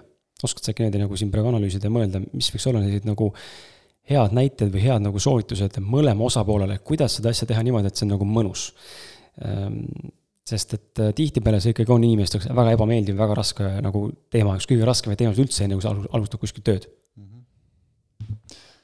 see on hea küsimus, ma ei ole selle peale niimoodi mõelnud, aga ma siin siis midagi kohe koha peal mõtlen, et võib-olla ma esialgu, kuidas ma nagu lähenen sellele ka tööandjana, on siis see, et ma küsin, kui palju inimene tahaks ise teenida, palju, mis summa teda teeb õnnelikuks elus noh, tal on mingi, mingi idee, on ju, et noh, ma saan, ma ei tea, mind teeb õnnelikuks see, kui ma saan reisida või, või, või okei okay,, mind, mind teeb õnnelikuks see, kui kui ma saan vabalt süüa kuskil näiteks väljas äh, kord päevas või, või, või kord nädalas või noh, see on nii individuaalne, mul, mind teeb õnnelikuks see, kui ma saan Teslaga sõita või noh, mind teeb õnnelikuks see, kui ma saan kosmosesse lennata, eks ju, noh, aga see on minu meelest niisugune hästi niisugune hea alus, kust nagu alustada seda palga läbirääkimist, et siis ma tean, mida ma ettevõttena, kas ma saan üldse seda inimest õnnelikuks teha nii-öelda rahalises mõttes? et kui ta, kui, kui, kui inimene ütleb, et ma tahan äh, kolme aasta pärast äh, lennata kosmosesse, mis maksab, ma ei tea, palju ta täna maksab, miljon eurot. noh, näiteks jah. et äh, kui mul on väike ettevõte, siis ma ei saa teda õnnelikuks teha, on ju, tõenäoliselt kolme aastaga. noh, siis ongi see koht, et äkki ta ei ole õige inimene no siis me saame vähemalt nagu arutada selle, selle, sellel teemal, eks. või et ma ei ole õige tööandja. või ma ei ole, noh, kas ei ole, noh mm -hmm., nii mõlemat pidi vaata, et mm -hmm. tal on võib-olla rohkem potentsiaali, aga, aga võib-olla ütleb ta, kuule, kuule, kuule, ma toon sulle, on ju, sellist uh, know-how'd siia ja siukseid ideid, et ma saan kolme aasta pärast, on ju, selle miljoni su käest. jumala eest, teeme ära, kuigi see on vähe tõenäoline, sest tõenäoliselt oleks ise ettevõtja siis, on ju. aga suurtematel korporatsioonidel miks mitte, on ju, et, et see on kõik võimalik et, et ja kui, kui on teada nii-öelda siis see, see pool, et, et palju ta siis nagu tahaks teenida, siis ma püüan alati nagu mõelda, et kas ma saan seda talle pakkuda, et, et mitte ma ei paku talle seda kohe välja, aga see, et näed, kui sa panustad, kui sa pingutad, siis on see kõik võimalik, et tek-, tekitan nagu sellise boonuspaketi, noh loomulikult seda ei saa teha ähm, võib-olla tavaliste töötajatega, kes on näiteks ma ei tea, teevadki mingit oma kindlat asja, et see on pigem nagu niisuguste müügiinimeste võib-olla või mm, -hmm. või need, kes nagu arend-, saavad noh, reaalselt arendada ettevõtet, edasi nii-öelda nende ettevõtte numbrid ehm,. aga sellegipoolest ma küsin, mis teeb õnnelikuks inimese. sest et ma tahaks, ta, ma, minu soov on see, et kui ta töötab minu juures, ta oleks õnnelik et äh, kui mina ei suuda pakkuda seda talle, siis ja kui ta on minu juures õnnetu või ta hakkab otsima mingit alternatiivi, siis noh, pigem ärme teeme seda koostööd praegu. et, et võib-olla meie kasvame või, või mida iganes, et siis, siis on see teine koht. aga, aga töötaja koha pealt äh, ma ütleks samamoodi, et, et äh, öelge oma päriselt see soov välja, mis, kuhu te tahate vähemalt jõuda. et ärge kartke, et see on liiga suur või, või, või ma arvan, et hea tööandja püüab koos teiega selle lahenduse leida ja, ja kui see ei olegi võimalik või see ongi ebarealistlik, siis ka töö, hea tööandja teeb selle selgeks teile, et, et noh, toobki nagu, avab neid kaarte või telgitaguseid, näed, et meie ettevõte töötab sellises sektoris, noh, me ei saagi nagu nii suuri näiteks palganumbreid maksta, sest et meil on suur konkurents, on ju, madalad katted või, või meie ettevõte ei ole veel täna nii suur, on ju. et noh, et selline ausus, öelge välja, palju te tahate kas või perspektiivis, et see, kus te alustate, te ei saa nii palju, on teine asi, aga kui ettevõte näeb seda võimalust teile ette, jumala eest, see on ju super. Te saate mm -hmm. panustada, te saate kasvada, te teate, kuhu, kus te, see eesmärk on ja ja kas see, kas see on nagu loogiline mm -hmm. sinu jaoks, Kris mm? -hmm. ei, absoluutselt, selles mõttes absoluutselt, et ka meie läbirääkimine ju jõudis äh, sarnase nagu lahenduseni ja see on täiesti, täiesti loogiline minu jaoks, et äh, avatud kaartidega rääkimine on, äh, ma arvan, vahet pole, mis teemadega või valdkondadega seotuna, on hästi oluline ja see kommunikatsioon on lihtsalt oluline, läbipaistvus jah, absoluutselt, läbipaistvus on minu meelest ka AEO ettevõtluse puhul, et, et see, see annab, äh, see annab nagu väga hea argumentatsiooni, ütleme, kui me kas või räägime siin palgast, eks ju, et kui inimene ütleb, et ma tahaks rohkem palka saada, kui on kõik läbipaistev, eks ju, inimesed teavad, äh, palju ettevõte teenib, palju seal mingid marginaalid on, kõik niisugused asjad, siis on seda nagu väga hea, hea nii-öelda alati kasutada näiteks, et kui inimene tahab palgatõusu, aga see ei ole võimalik, siis noh, kõik on nagu selge, vaata. et, Kurban. ja vastupidi, et, et kui inimene tuleb palgatõusu küsima, ta teab, palju ta teenib ettevõttele, on ju, siis on tal ka õigus ju saada suuremat palka, kui ta teenib nagu palju mm. -hmm. ma olen seda siis on ka temal nagu hea tunne, vaata mm, -hmm. küsida, vaata, noh. olles ise nagu töötanud äh, ettevõtetes, kelle nime ma praegu mainima ei hakka, see pole oluline, aga ettevõtetes kus ma olen näinud äh, juhtiva positsioonis olles siis äh, marginaale ja oma, oma hinda ja kõike muid asju juurde, on ju, palju me tegelikult müüme, mis on see juurdehindlusprotsent ja, ja mis on äh, käibed nädala, kuu, aasta lõikes, on ju. ja, ja siis, kui lähed küsima palka juurde, siis öeldakse, sul meil pole raha, siis tegelikult nagu on see koht, kus tunned nagu, et mm, et nagu sada viiskümmend, kakssada juurde anda ei ole ka nagu raha, et aga ma näen ju, mida sa tegelikult, ma ju näen, mida sa kasseerid. Ah, et jah. minu töö on nagu meeletu, on ju, et need kohad on need, kus äh, on nagu kurb, aga noh, õnneks või kahjuks kõigil inimestel, kõigil töötajatel ei ole võimalik sellist asja näha. ma arvan, et väga paljud oleks kindlasti kurvad ja vihased võib-olla või vastupidi, motiveeritud küsima juurde, kui nad tegelikult näeksid, mis seis tegelikult on. Ja ma olen mõelnud, ma ei tea, Maris, kas sa oled minuga nõus, aga ma olen mõelnud ka selle peale, et kui me räägime suur, tegelikult see kehtib, ma arvan, ka väikeste, nii väikeste kui suurkorporatsioonide puhul, sa võid süüa ka veel, kui tahad, meil on sihuke vaba saade, et aga, aga ma olen näinud Äh, ma, mulle endale tundub, et äh, üks viis, kuidas lahendada omavahelisi probleeme ettevõttes just nagu tööandjate ja ütleme siis nagu seal äh, kolmnurga püramiidi tipus olevate astmetel olevate töötajate puhul ja alamate töötajate puhul või noh, ütleme siis lihtsama tööliste vahel oma probleeme lahendada ja üldse hoida nagu kollektiivselt ühiskasvu. vahet pole, kui suur korporatsioon see on, startup'id täna tegelikult natuke implementeerivad seda juba mingil määral ka ja ma saan aru, päris lõpuni võib-olla ei saa, kuigi ma tahaks väga vastu trotsi öelda, et tegelikult ma ise, ise, kui mul oleks suur ettevõte, ma tegelikult tahaks täiega teha niimoodi, proovida, kuidas see mõjub. aga ma arvan, et kui vaata tihtipeale niimoodi, et kui on sul äh, saaliteenindajad näiteks, ma toon suvalised ametimehed inimeseks aru, mida ma mõtlen, koristajad, äh, kassiirid äh,, ma ei tea, turvamehed äh,, mingi kindla valdkonna või osakonna mingisugune vanem teenindaja, vanem juht, on ju, mis iganes kui nemad saaks näiteks osaleda ma ei tea, a la juhatuse koosolekul, või, või mingites nii-öelda asjapulkade koosolekul või olla kursis, mis tegelikult toimub ka tipus siis võib-olla neil tekib ka see motivatsioon ja arusaamine, et aa, minu töö mõjutab väga oluliselt praegu just seda valdkonda seda edasiliikumist. ja vastupidi, minu, minu panus tegelikult takistab seda edu, mida ma tegelikult tahan ise ka saavutada, on ju, ettevõttena või nagu töötajana tähendab. ja mulle tundub, et see tipp nagu ei jaga piisavalt palju informatsiooni läbipaistvalt ega ei kommunikeerita kõigile töötajatele võrdselt, sest tegelikult nad on osa kogu sellest ettevõtmisest, et see võiks nagu läbipaistvus olla lõpuni välja. Ma mõistan, et kõiki numbreid võib-olla ei saa öelda, kuigi ma tahaks väga proovida, kas see töötas, kõigil oleks nagu ligipääs, nägemus vähemalt või ülevaade nädalane, mis tegelikult ettevõtte sees nagu toimub behind the scene nii-öelda nagu käibelt, tulult, kasumilt, on ju. et hoida nagu läbipaistvust, et võib-olla see motiveeriks inimesi rohkem nagu töötama ja pingutama oma nagu nii-öelda kassiirina või siis saali töötajana, kui sa tegelikult tead, mis panust sinu töö ja mingit, mingis nagu rollis tegelikult mängib ja kui palju ta muudab või kui vähe ta muudab ma ei jah, ma ei oska seda öelda, kas nüüd äh, päris äh, inimesed, kes äh, võib-olla pakuvadki seda koristusteenust, ma ei taha öelda, et nad on kuidagi halvad äh, või, või kuidagi alamklass mm, -hmm. et, et kas tema, nemad peaks juhatuse koosolekul osalema, et tõenäoliselt nad ei saa nagu sellest suurest pildist aru, võib-olla algusest peale seda neid sinna kaasata, noh, aga, aga ka selles mõttes ma olen nagu nõus sinuga, et, et, et kui see kui see kassiir on nii-öelda osa ettevõttest, siis peaks teda igal juhul võimaluse piires võimalikult palju nagu valgustama, kas või selle koha pealt, et palju tema näiteks, palju tema panus on äh, tema toob ettevõttele sisse näiteks, eks ju, neid, neid nagu asju nagu väga ausalt nagu rääkida ja, ja võrreldagi, kas, kas või näiteks tema, teine kassiir on, toob palju rohkem sisse mm. -hmm. saaks nagu mõelda jälle, et ahah, miks tema rohkem sisse toob, aa, näed, ta naeratab rohkem, on ju. ta teeb võib-olla ennast äh, ma ei tea, teeb hommikuti joogat, on palju mõnusamas tujus, inimesed tahavad tulla tema juurde, on ju, et, et aa, ma tahaks ka olla niimoodi. ja, ma arvan, et, et selline äh, boonussüsteem võiks olla mitte nagu kamba peale, mõnes mõttes võib-olla ka kamba peale, et ettevõte siis jagab võib-olla mingit kasumit, aga pigem ikkagi nagu individuaalne, et see, noh, mina näen, et, et see paneb nagu inimest äh, rohkem tööle, kui ma saan individuaalset kasu, sest et ma arvan, et selline lähenemine, kus kus äh, on näiteks mingi müügitiim, seal on näiteks mingi, ma ei tea, viis kuni kümme inimest, et, et, et jagame müügitiimi äh, kasumi nagu ära ja lootes siis selle peale, et, et kõik äh, hakkavad kangesti tänu sellele nagu hullult nagu mm -mm. rapsima, sihukest asja ei juhtu. alati on neid, kes on alati mõtlevad, oh, las pingutavad, on ju, mul ei olegi nii palju raha vaja mm. -hmm.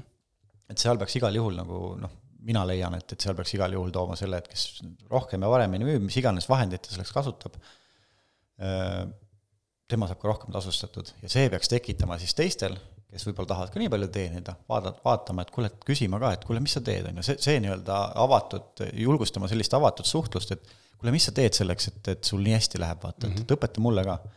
ja, ja see peaks olema nüüd küll äh, ettevõtte nagu ühi, juhi või, või siis sellises juhi poolt loodud, et, et selline avatud kommunikatsioon oleks lubatud ja, ja soositud ja, ja vaata, et isegi kohustuslik, et, et kui keegi hakkab seal oma infot kinni hoidma, vot see hakkab pärssima ka ettevõtte arengut. see info, infosulg jah, just see on parem ei, parem ei räägi, mis ma teen, mul on küll mm -hmm. oma hea nipp, on ju, aga ma parem ei räägi, sest äkki sa hakkad ka sama hästi müüma, vot et noh, selliseid asju peaks püüdma vältida, kuigi see võib ka olla inimlik, on ju, et ma parem ei taha, eks ju, et, et noh, seal on kõik muidugi alateadlikud põhjused jälle mm, -hmm. miks see nii on, aga aga jah, et, et avatud süsteem, mulle, mulle endale meeldib hästi hästi selline süsteem, kus on äh, nii-öelda horisontaalne või, et seal ei ole nagu niisugust äh, ülevalt alla struktuuri. mina olen juht, ma olen siin kaas, klaaskapis, on ju, siis tulevad järgmised juhid ja siis on nagu ülejäänud nagu pande, eks ju. kuskil punkris.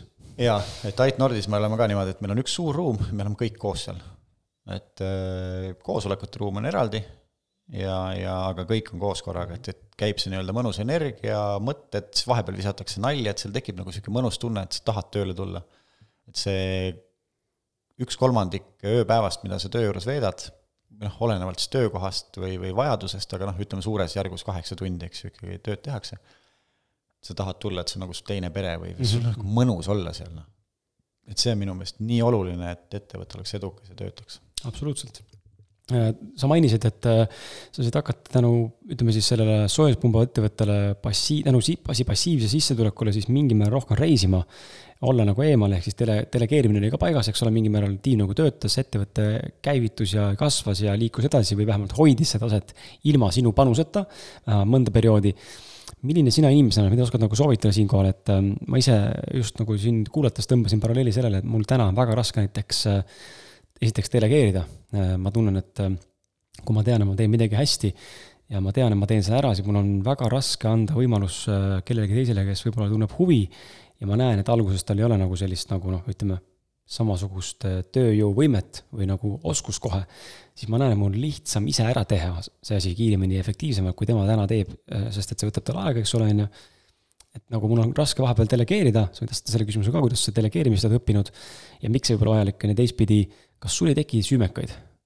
just nagu selles osas, et aga ma olen siin Tais praegu puhkan, vaata seitse nädalat ja mingid vennad mul seal nii-öelda nagu kütavad täiega hagu ja, ja mina nagu piltlikult öeldes nagu lainetan nagu nende töö vilja peal, kuigi see on tegelikult eelnevalt olnud sinu töö vilja põldtulemus, on ju.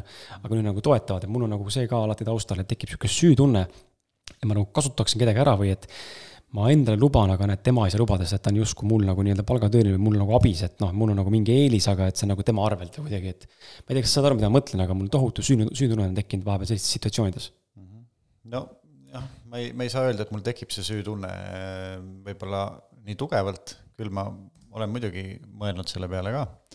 aga siin on jälle see, ma ütleks, et niisugune avatus, vaata, või, või, või see tehing, noh, ütleme, et ka kuskil ettevõttes töötamine on kahepoolne tehing.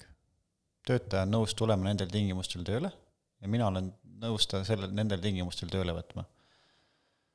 ja kui on hästi suur läbipaistvus, et eh, inimene teab seda, et eh, palju ta teenib ettevõttele, ta saab selle eest vajalikku palka, samas on tal vabadus äh, alati rääkida minuga, kui ta millegagi rahul ei ole.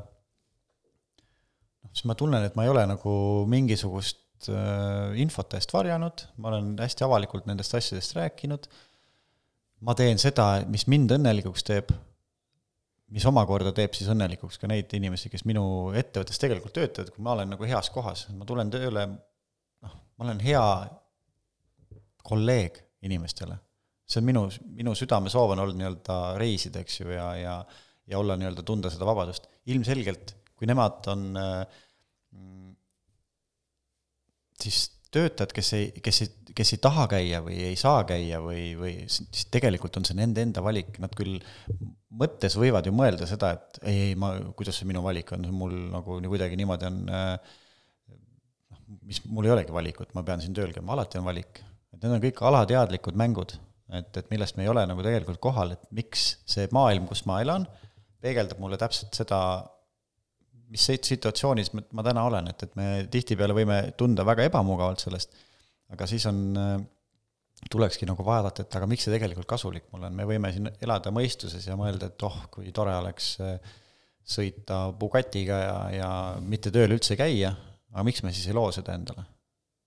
et äh, alati on hea lihtne süüdistada kedagi teist või välist, aga tegelikult me ise oleme loonud selle reaalsuse, mis me, kus me täna oleme ja ma olen hästi palju ka kommunikeerinud seda nii-öelda oma, oma kolleegidele ja ja neil on alati olnud võimalus minuga arutada asjade üle või siis minna ka pikemale puhkusele, kui nad seda soovivad. loomulikult ei ole neil ju needsamad tingimused, et ettevõte ei tööta ju nende heaks, eks ju mm -hmm., sest nad peavad nii-öelda seda rahas kõrvale panema, aga kui nad tahavad minna pikemaks puhkusele, jumala eest, see on ju kõik võimalik aga, aga jah, et iga inimene võtab vastutuse end, iseenda elu eest, et mina olen nagu sinnamaani jõudnud, et võib-olla noh, kindlasti neli aastat tagasi ma oleks sulle teist juttu rääkinud. aga, aga ma ei saa vastutada selle valiku eest, mis on nagu teised teinud ja mm, -hmm. ja ma olen muidugi väga tänulik selle üle, et et nad teevad minuga koostööd, nad on minu kolleegid ja, ja see ettevõte areneb ja õitseb nende, nende panuse läbi mm. -hmm. nüüd lähme sinna. ahah selle põneva juurde, räägime Transitionist, räägi enda lugu, mina olen seda nüüd kuulnud tänaseks juba mingi viiskümmend korda viitekümmet ei ole päris. viitekümmet ei ole, aga võib-olla mingi neli-viis. aga ma teen selle asja selles mõttes huvitavamaks ka, ma küsin küsimusi vahele. et okay. ma oleks ka mulle huvitavam ja sa võib-olla annad, annad teistsuguse vastuseid ka.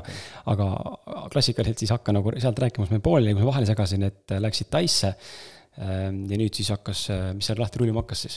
ühesõnaga, ma olin, äh, nagu ma ütlesin, et mul ei pakkunud enam see ala, mille, milles ma tegelesin. Äh, soojuspumbad siis? Mm -hmm. sellist nagu emotsionaalset rahulolu enam.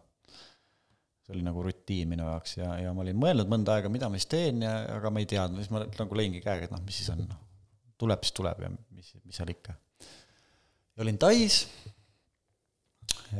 kolleegiga olime Tais, me oleme ka väga head sõbrad ja üks õhtu olime seal mõnusas saunas, niisugune mõnus niisugune lõkke, lõkkeplats on ja seal on mingi aurusaunad ja tuled sealt aurusaunast lõkkeplatsi äärde, ilus tähistaevas, seal vahepeal mängitakse konge, niisugune mõnus psühhodeelne muusikamäng, niisugune mõnus üli-üli kihvt relax. ja üks Hiina naisterahvas, kes must, kes mul oli tuttav juba eelmisest aastast, noh, seal üldiselt need inimesed käivad seal saarel, lihtsalt need käivad, eks ju, et neile hullult meeldib seal. vaatan seal saunas oleme, on ju, või noh, seal lõkke ääres vaatab telefoni, kõigepealt küsis, mul tekkis küsimus, mis sa telefoni siin vaatad, on ju vaatan neid pilte siis niimoodi silmanurgast ka ja pildid olid sellised nagu, nagu mingid organid oleks, noh, ma ei tea, kas välja lõigatud või siuksed nagu, vaata katseklaasis on äh, piirituse sisse mm -hmm. pandud, siuksed nagu imeliku kujuga, noh, mingid siuksed nagu kurulist, ma ei saanud aru, mis asi, mis, mis pildid, no küsi, mis pilte sa vaatad? inimese väljaheide, mis inimese väljaheide, et nad näeb ju teistmoodi välja. ja, ja, et aga see on see puhastus, vaata, et meil mehega on seal äh, Hiinas on niisugune retriidikeskus, on ju, et ma eelmine aasta ju rääkisin, et see on see puhastus, noh eelmine aasta rääkisid, noh, ma ei olnud järelikult valmis, vaata, üldse ei klikkinud. Mhm. mis, asja, mis puhastus on ju, siis ta rääkis, et no see on see ühepäevane puhastus, et, et äh, noh, sööd neid asju ja, või mingeid värke ja järgmine päev siis tuleb niisugune värk välja, ma mõtlesin, mis asja, on ju. et ma ei olnud, noh, tol hetkel ma ei olnud mitte kunagi kokku puutunud mingi ühegi detoksi, puhastuse, mingi asjaga, sest mulle olidki tundunud need mingid mahlapaastud on esiteks, et ma ei saa seitse päeva süüa või kolm mm või viis või mis iganes teiseks, noh, mis see mulle annab, kus ma tean, et ma, noh, mul läheb mingi kõht lahti võib-olla ja, ja no mis puhastus see on, see on lihtsalt nagu ma võin halvaks läinud mingit piima juua, mul samasugune puhastus on ju, see mingit, noh, mingit nagu mõtet minus nagu ei, ei tekitanud, et ma tahaks mingit detox'it teha, vaata. aga seal oli teine asi. Väga põnev, noh, see kohe klikkis, on ju, et, et äh, küsisin, kurat, et äh, väga põnev, on ju, et kas, kas teil on kaasas ka seda nagu, kas ma saaksin nagu osta? jaa, meil on kaasas ka, on ju no siis tol hetkel ma ei teadnud hinda ka, on ju, see väga põnev, et noh, et millal siis teeme. leppisime selle aja kokku, siis ta ütles mulle hinna ka, siis mulle korra nagu tundus, et oh, see on nagu päris kallis, on ju. ma ütlesin, et kurat, kui see mul niisuguse asja seest välja toob, vaata mm, -hmm. et ma, noh, mina igal juhul proovin, et, et noh, raha mul ju tegelikult oli, et, et pluss sa olid juba lubanud, teeme ära nüüd tagasi, tagasi võtta nagu veits imelik. võib-olla see ka jah, imelik. Ja sõber või sõber ja kolleeg siis ütles, et ta on nagu käpp, on ju ja leppisime selle aja siis kokku, seal oli mingi ettevalmistusaeg, et kus ei tohtinud nagu liiga palju süüa, et soolestik oleks siis võimalikult nagu tühi, on ju, et siis see puhastus oleks võimalikult äh, nagu efektiivne. ja, ja kergem, on ju. ja kergem mm -hmm. ja soolte seintest siis saaks kõik selle asja kätte, mitte ei ole see värskelt sööditud toit. ja läksin siis, läksime siis hommikul sinna nende nii-öelda sellisesse majakesse, mida nad üürisid tehti meil esimene segu, see ensüümid ja, ja mis seal sees oli kõik, sihuke shakeris shake'iti ära. Lõhn oli väga hea, maitse oli hea, jõin selle ära ja siis noh, näidati meile seda ka, et noh, kui tihti seda üldse võtma peab, meil polnud tegelikult aimugi, et noh, terve päev öeldi, et noh, terve päev nagu läheb aega. mul oli mingi raamat kaasas seal lugesin raamat, siis öeldi jälle, et nüüd tuleb jälle vett juua või, või siis seda segu juua, siis nad ise segasid meile või noh, ütlesid, et näed, nüüd on see aeg. ah, teil oli selles mõttes äh, hea, hea nagu eelis, et teil oli tegelikult ju otse siis väga lähedane nii-öelda inimene, kes tegelikult tundis läbi lõhki seda toodet, ettevõtet äh, ja jälgis ja andis nagu ette vihje, millal teha ja kuidas teha, on ju, et te iseseisvalt ei pidanud tegema seda. ei noh, selles mõttes, selles mõttes nad ise pakkusid selle välja, eks mm, -hmm. et, et äh, noh, tegelikkuses on sellel ju kaasas väga nagu põhjalik no, juhend jah, nagu ma mõtlengi teil. aga noh, siis ja, oli, see oli muidugi eriti mugav mm, -hmm. loomulikult jah. ja, ja see päev läks, noh vahepeal vist mingi poole päeva ma tundsin, et nagu kergelt sihuke uimasus tekib, on ju, või niisugune, ma ei tea selline tunne, et keerad pilgu ära ja siis tegelikult jõuab see kõik kohale umbes niisugune sekund kaks hiljem. mitte nii hil-, nii palju läägi, aga ütleme niisugune kaks kümnendikku hiljem on ju, et niisugune imelik nagu niisugune, ma ei tea, niisugune nagu ma ei oska, ma ei ole niisugust tunnet tundnud, aga no see ei olnud nagu kuidagi, kuidagi karm või ka, ega niisugune hirmutav, aga no vot, siis me tegime kõhumassaaži seal ja, ja, ja, ja käisime jalutamas ja see päev nagu läks päris kiirelt niimoodi. ja siis õhtul äh, anti mulle kaasa korv noh, nende juurest ütles, et nüüd lähete koju, on ju, magama, aga no hommikul, kui, kui ärkad, noh, tõenäoliselt on sul siis häda, on ju, siis mitte ei lase potti seda, aga lased siia korvi. ja siis tõmbad selle nagu laiali, on ju, noh, paned siis sealt korvist kuskile kilekoti peale või, või noh, kuhu paberi peale, on ju, tõmbad laiali. kuidas see mõte sulle tundus? noh, see tundus natuke sihuke, noh, ühest küljest nagu põnev. huvitav ja põnev, sest et ma tahtsin ka teada, mis must välja tuleb, vaata, sest ma olin neid pilte, siis ta ütleski, et noh, siis sa näed ka neid pilte, on ju, mida ma siin vaatasin teisest küljest noh, mõtlesin ka, et noh, kurat, et mis asja, et, et äh, ma olen nagu kätega oma seda Hakkad oma fekaali- nagu venitama, mis asja on ju. sest noh, vahet ei ole, ma ei ole nagu nõrganärviline ka ja igal juhul põnevus oli ilmselgelt nagu suurem emotsioon sel hetkel, eks ju. ja hommikul ärkangi üles ju suht vara nagu, ma ei tea, kell oli mingi viis või pool kuus või, tunnen, et ongi häda juba põnev. ajan selle Rauliga üles, et kuule, et oi, mul on nüüd häda peal, on ju. Lähen panen selle korvi alla ja noh, see korv tuli nagu täis, eks ju. mõtlesin, mida kurat, ma olin nagu kaheksa või üheksa päeva olnud taimetoidu peal, sõin tegelikult vähe, siis ma olin nagu noh, mõttes mõtlesin, et oh, ma võtan siit alla ka siis on ju, ja, ja noh, tegelikult noh, taimetoitu ja, ja kiirelt seidetud asju, mul tuli nagu ikka palju ja siis ma tõmb-, venitasin selle laiali, see oli meeter. umbes, ma ei mõõtnud seda, aga noh, silma järgi. Ja, ja, ja tõesti see kuju on ju sellel välja, et seal oli kõik see jämesoole mingid kurrud, värgid, eks ju, siukest rasva oli tulnud välja, siis olid mingid tükid seal, no ühesõnaga, see nägi päris kole välja, on ju. jah, muidugi, kui ma seda venitasin, siis algul oli siukene niisugune, kuigi ta lõhnab hoopis teistmoodi, et ta ei ole nagu niisugune räme sita hais, on ju. vaid ta on nagu niisugune spetsiifiline. spetsiifiline jah. Et, et ja, ja siis ma tegin pilti, saatsin ära, sest noh, seda, selle järgi saab nagu analüüsida ka või öelda, et mis sealt nagu siis välja tuleb, eks ju, kõik ja kuidas see seedimine ja kuidas see pool kõik on, on ju. ja, ja, ja muidugi, kui mul see välja tuli ka, siis ma tundsin nagu niisugust nagu tunnet, et nagu oled tükk aega sukeldanud vee all, on ju. niisugune nagu hakkab õhk otsa saama noh, okei okay,, see vee all sa saad aru, et õhk, õhk hakkab otsa saama, kui sa võib-olla nii pikalt oled, et enam aru ka ei saa, et noh, see, see hapnik, võib-olla selline tunne nagu tükk aega käid maskiga ringi, on ju. Et noh, see CO2 tase siin maski ees, noh, lähebki niisuguse kõrgemaks, kui harjud ära sellega, oled niisuguses uimases, on ju, kui lõpuks selle maski kuskil keset loodust ära võtad, siis on niisugune vau, on ju. nii on ka võimalik, et ma olin nagu ära unustanud selle üldse ja niisugune, niisugune tohutu eufooria tuli peale või niisugune vau, on ju, et mis asja, et nagu nii kiirelt, sest mulle oli see nagu tohutult kihvt, et ühe päevaga, üks päev jõin, sõin, sõin nagu neid asju, järgmine päev tuleb mul juba seda asja välja ja siis ma saatsin pildi, siis tuli vastus mulle veel, et et jah, et sul tuleb veel seda, on ju, ma ütlesin, veel tuleb. siis tuligi mingi kolme päeva jooksul tuli mit-, mitte küll nii palju enam korraga, aga, aga kõik mingit niisugust nagu soole, soolestiku kuju oli seal kõik, et ta võtab nagu niisugust soolestiku kuju, et seal on äh, kiudained, mis punduvad ja, ja toovad siis kõik nurgatagused välja. siis ma kohe jagasin oma sõbraga seda, oma elukaaslasega seda ja, ja hakkasin mõtlema, et, et äh, miks nagu, miks seda ei ole siin Eestis, vaata, miks seda üldse läänes ei ole et miks ma praegu olen, alles kuulen sellest, et ma saan kohe nelikümmend ja nüüd alles kuulen, eks ju, et, et mis asja. ja, ja siis äh, mingil hetkel tekkis mul sihuke skepsil, skepsis ka ikkagi, mõtlesin, kurat, et mul tuli niisugune asi välja, aga ma sõin ka ikka päris palju seda manti, vaata, et äkki see kõik on see. siis ma ostsin ühe paki veel nende käest. kuna mul oli jälle pikem reis, siis kuu aja pärast palil olles tegin ma uuesti selle kohe läbi.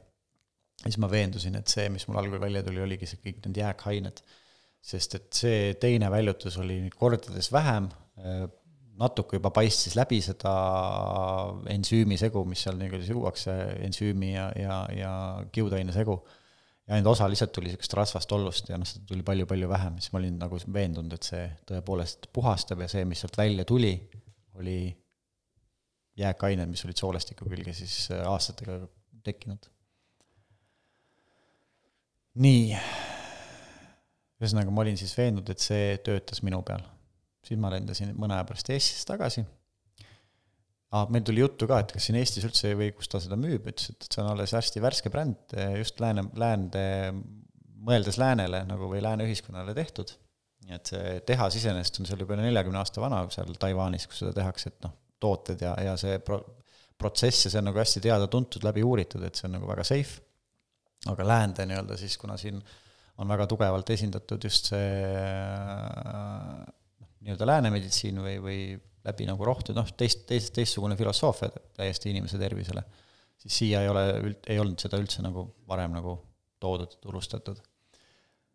no vot, ja siis ma sain teada, et siin Eestis ja, ja üldse siin piirkonnas ei ole seda ja, ja tekkiski mõte, et, et okei okay,, et ma siis nagu katsetan siin natuke oma sõprade peale, kus ma tõesti näen seda, et, et see töötab, et siis ma võiks hakata tegelema sellega, see ongi see uus asi, vaata, mis mind nagu sütitab. tulin Eestisse, esimene, kes äh, selle läbi tegi, oli mu ema siis ma läksin selle sama energiaga ema juurde, ütlesin, vau, on ju, et ma olen siin kaheksa kilo alla võtnud ja, ja, ja mul läks seda eh, rasva pealt läks nagu hästi palju, on ju, ja lihast läks hästi vähe kadus, ma käin jõusaalis ka, et siis ma nagu, siis me mõõdame seal treeneriga, et siis oli nagu täpselt teada. Ja ma tundsin nii hästi ennast, jube kihvt, ema nägi ka, et ma olin näost ju täiesti muutunud, eks ju, eh, silmad olid muutunud, noh, ühesõnaga ma olin nagu ikka hoopis nagu noh, teine inimene. et äh, sa oled seda enne ja pärast pilti ka näinud, eks ju, mis ma olen nagu üks on niisugune tore niisugune paksude põskedega poiss, teine on nagu sel-, selge silmavaatega mm -hmm. nagu sale mees, on ju. et, et ja ema tegi läbi, emal täpselt samamoodi äh,, väga kihvtilt kaal kukkus, enesetunne läks paremaks, söögiisud muutusid täpselt nagu mul, et, et see kaalukaotus on ka muidugi mitte see, et, et, et nüüd see oleks eesmärk, eesmärk mm -hmm. on see, et, et see, kui, kui organism läheb puhtaks, siis kaalukaotus on tõenäoliselt by, by product, jah. By product, eks ju, et, et see lihtsalt tekib, sest et äh, toidu, toit, mida me valime, muutub tervislikumaks, kogused lähevad väiksemaks, nii edasi. ja, ja emal väga sarnased nii-öelda asjad tekkisid, siis ma võtsin sõbrad enda juurde, tellisin veel neid pakke, vaatasin, ise viisin läbi neid puhastusi, vaatasin, kuidas see neile mõjub, sest noh, mul ikkagi see koht, et äkki noh, me oleme nagu vähesed, kellele see nii mõjub, on ju, et ma tahtsin nagu teada, paljudele see mõjub ja noh, enamikule see mõjuski niimoodi, et nad tundsid ennast paremini, kaotasid äh, palju kaalu, kellel tulid seal mingid mees, mehed olid eriti õnnelikud, ma näen kõhulihasid jälle, et ma olen nagu keskkooli lõpust näinud, et jube kihvt, eks ju. No loomulikult, kui nagu suur õllekas, siis noh, see kõhulihaste välja tulemine ei ole nagu case, aga ta, ta viib nagu niisugust nagu Äh, Hiina meditsiinis nagu niisugust lima või niiskust välja ka, see puhastus, et noh, teeb kõike seda, mida nagu on vaja siis organismil, et kui sa oled kuiv inimene, siis ta loomulikult ei vii seda välja, sa teed midagi muud, eks ju, see on väljaheitest ka hästi näha, kas on nagu niiskust tuleb välja või, või siis on nagu kuiv organism. ja siis ma mõtlesin, et okei okay,, ma olen mingil, millegi suure otsas tegelikult, et mulle on usaldatud midagi suurt siin ära teha, just selle inimeste tervise osas ja, ja noh, ma olen ju soojuspumbamees, on ju. ma ei tea mitte midagi nendest taimedest, sest see on ainult taimne toode. seda fermenteeritakse kolm aastat. fermenteerimine ehk siis kääritamine. kääritamine mm, -hmm. just, ja, ja siis ma mõtlesin, et okei okay,, kes teab Eestis, kes teab Eestis äh, nendest taimedest, eks ju, noh, esimene mõte, kes mul tuli, oli Rene Pürkland, Hiina meditsiiniarst, Eestis kõige tuntum mina Reneed ei tundnud sel ajal, ma ütlesin kohe, vaatasin, kuidas ma ta vastuvõtule saaksin, siis Tervise Alkeemias oli kirjas, et Rene vastuvõtule ei saa, et tal on nii palju kliente, mis siis, et tema vastuvõtuhind on seal kolm korda kõrgem, eks ju, noh, okei okay., siis vaatasin, okei okay,, tal tuleb mingi loeng. Äh, see loeng oli just seedimisest mis oli nagu hästi tore. siis kohe läksin, ostsin sinna pileti ära, olin seal tagareas, vaatasin kuulasin selle loengut, ma isegi tegelikult ei mäleta, mida ta nagu rääkis seal, sest et ma olin nagu nii elevuses, et ma saan nihelesid seal elevusest? nihelesin elevusest, et kui see läbi saab, siis ma saan nagu minna rääkima temaga. kõik sai läbi, lasin seal viisakalt ära küsida kõik küsimused, kes seal nagu ka privaatselt pärast tahtsid ja siis noh, see oli pakkus kokku panema neid asju, siis ma läksin Rene juurde, tutvustasin ennast ja ütlesin, et ma leidsin Tais reisil olles toote, mis võib väga paljusid inimesi aidata, aga ma ei tea midagi, mis taimed need on, ma ei, ma ei ole nagu selle ala ekspert, noh, ma ei, ma ei, ma mitte ekspert, vaid ma olen võhik sellel alal, eks ju.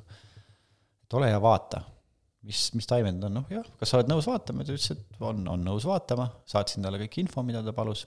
siis ta ka tükk aega nagu ei vastanud mulle, siis ma ikkagi tuletasin talle meelde ja lõpuks ma jõudsin isegi sinnamaani, ütlesin, et et ma, et ma, Rene, ma saan aru, et sul ongi nagu palju noh, tihe graafik ja sa oled nagu nõutud inimene, et aga lihtsalt ütle, kui sul päriselt aega ei ole, et, et siis noh, ma leian lihtsalt kellegi teise, vaata siis ta kohe reageeris selle peale. seal on see FOMO, vaata, fear of missing out. absoluutselt siis ta kohe leidis selle aja ja vaatas üle selle, ütles, et jah, et need taimed on seal tõepoolest sellised äh, äh, ohutud taimed, et need ei ole tugeva toimega.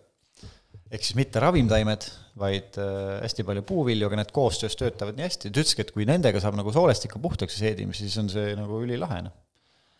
ja siis ma pakkusin talle proovida seda ta proovis seda, esimese korraga ta, noh, tal tuli küll välja väga palju, aga ta tegeles igast muude asjadega, et ta ise ütles ka, et ta ei, noh, ta ei saanud nagu kohal olla või tähele panna, mis ta kehas toimus. aga pärast seda, kui ta proovis seda oma patsientidega ja nägi, kuidas see muu ravi, mis ta muidu mingid nõelad ja, ja teed ja massaažid ja värgid, et, et, et kuidas see nagu, kuidas, kui puhastus enne ära teha, siis nende teiste ravide mõju kordades paranes, ehk et kui ta muidu oleks võinud teha näiteks neli nõelravi, siis ta võis ainult ühe teha, sama mm -hmm. tulemus saada.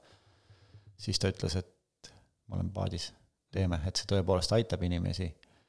ja ma olen oma nõu ja jõuga ja, ja, ja teadmistega abiks, et, et hakkame, hakkame proovima, hakkame vaatama, kuidas see asi töötab. see oli minu jaoks hästi suur nagu selles mõttes kompliment, et, et äh, tuntud arst tuli minuga paati soojuspummu mehega mingit äh, mingit terviseteemat terviseteemat ajama, eks ju. noh, mul muidugi selle aja peal oli mingid raamatud juba läbi loetud, ma tellisin mingit ensüümidest mingeid raamatuid, hästi kihvtid raamatud on doktor Hiromi Shinya. Äh, selle võid ka tegelikult sinna alla pärast podcast'i panna, et, et äh, tal on kolm erinevat raamatut. Enzyme Factor on see, mis oli nagu kõige kihvtim. niisugused tegelikult pisikesed brošüürid, aga tema on Jaapani päritolu gastroenteroloog, kes praktiseeris hästi palju USA-s ja tema leiutas äh, gastroenteroloogias sellise masina, millega saab neid polüüpe eemaldada, ilma et kõhtu peaks lahti lõikama või vähki või kõike niisugust asja, sest ta on väga-väga tituleeritud mees. ja, ja see, ja sealt raamatust ma ammutasin ka väga palju niisugust teadmist, et äh, mis ei ole küll lääne meditsiinis liiga palju nagu levinud või praktiseeritud, aga, aga tema kui tõesti väga kõrgelt hinnatud doktor, siis äh, on oma arvamust äh, avaldanud ja seda läbi enda praksise, kuidas toitumine mõjutab meie seedeelundkonda ja, ja, ja kuidas seedeelundkond on tegelikult seotud kõikide terviseprobleemidega tema arvates ja ka tegelikult kogu Hiina meditsiini arvates, sest et äh, Hiina meditsiini põhitees on see, et kõik tervis saab alguse seedesüsteemist või seedetulest. kui see on paigas, saab keha jagu igast haigusest, kui see paigas ei ole, siis äh, on isegi nohu läheb äh, pika ajaga üle. et noh, organism näeb vaeva, et sellest nagu võitu saada. et, äh, et siis me hakkasime seda asja nii-öelda ajama. et, et Rene ju täna, täna ongi seda vist üle aasta juba teinud, eks, oma retriitidel nädalastel või siis kolmepäevastel on kaht, kahte tüüpi, kus ta alati alustab selle eh, kas maksa või, või siis organismi või soolestiku puhastusega. Ja, ja, ja, ja ta ütlebki ise, et, et, et pärast seda puhastust eh, inimesed muutuvad nagu voolitavamaks, et nad on vastuvõtlikumad tema soovitustele igas osas ja, ja, ja alluvad palju paremini siis äh, igast tervendatavat, tervendavatele äh, manipulatsioonidele siis või, kui nii võib öelda, et aga räägime korraga nagu põgusalt siis sellest äh, Senglensi toodetest. Äh, sul on seal neid tooteid tegelikult on ju praegu puusalt panduna peagi mingi seitse, kaheksa, üheksa äkki erinevat, aga kaks on põhi, on ju. et üks on siis äh, soolepuhastus ja teine maksapuhastustoode. no see, jah no see soolepuhastustoode on, ongi nagu soolestiku puhastuseks tegelikult, aga me oleme selle nimetanud organismi puhastuseks, et inimesed ära ei ehmuks, et noh, soolepuhastus ei ole klistiir, eks ju et see ei ole, ei toimi nagu klistiir, et, et see on. et ei vala endale ensüümi tagumikku. jah, ja just, just, et ta ei, ta ei, isegi ei kõhtu lahti mm. -hmm. osadel väga-väga harva teeb kõhu lahti, aga see juba oleneb, see on individuaalne jälle, aga, aga noh, pigem harva.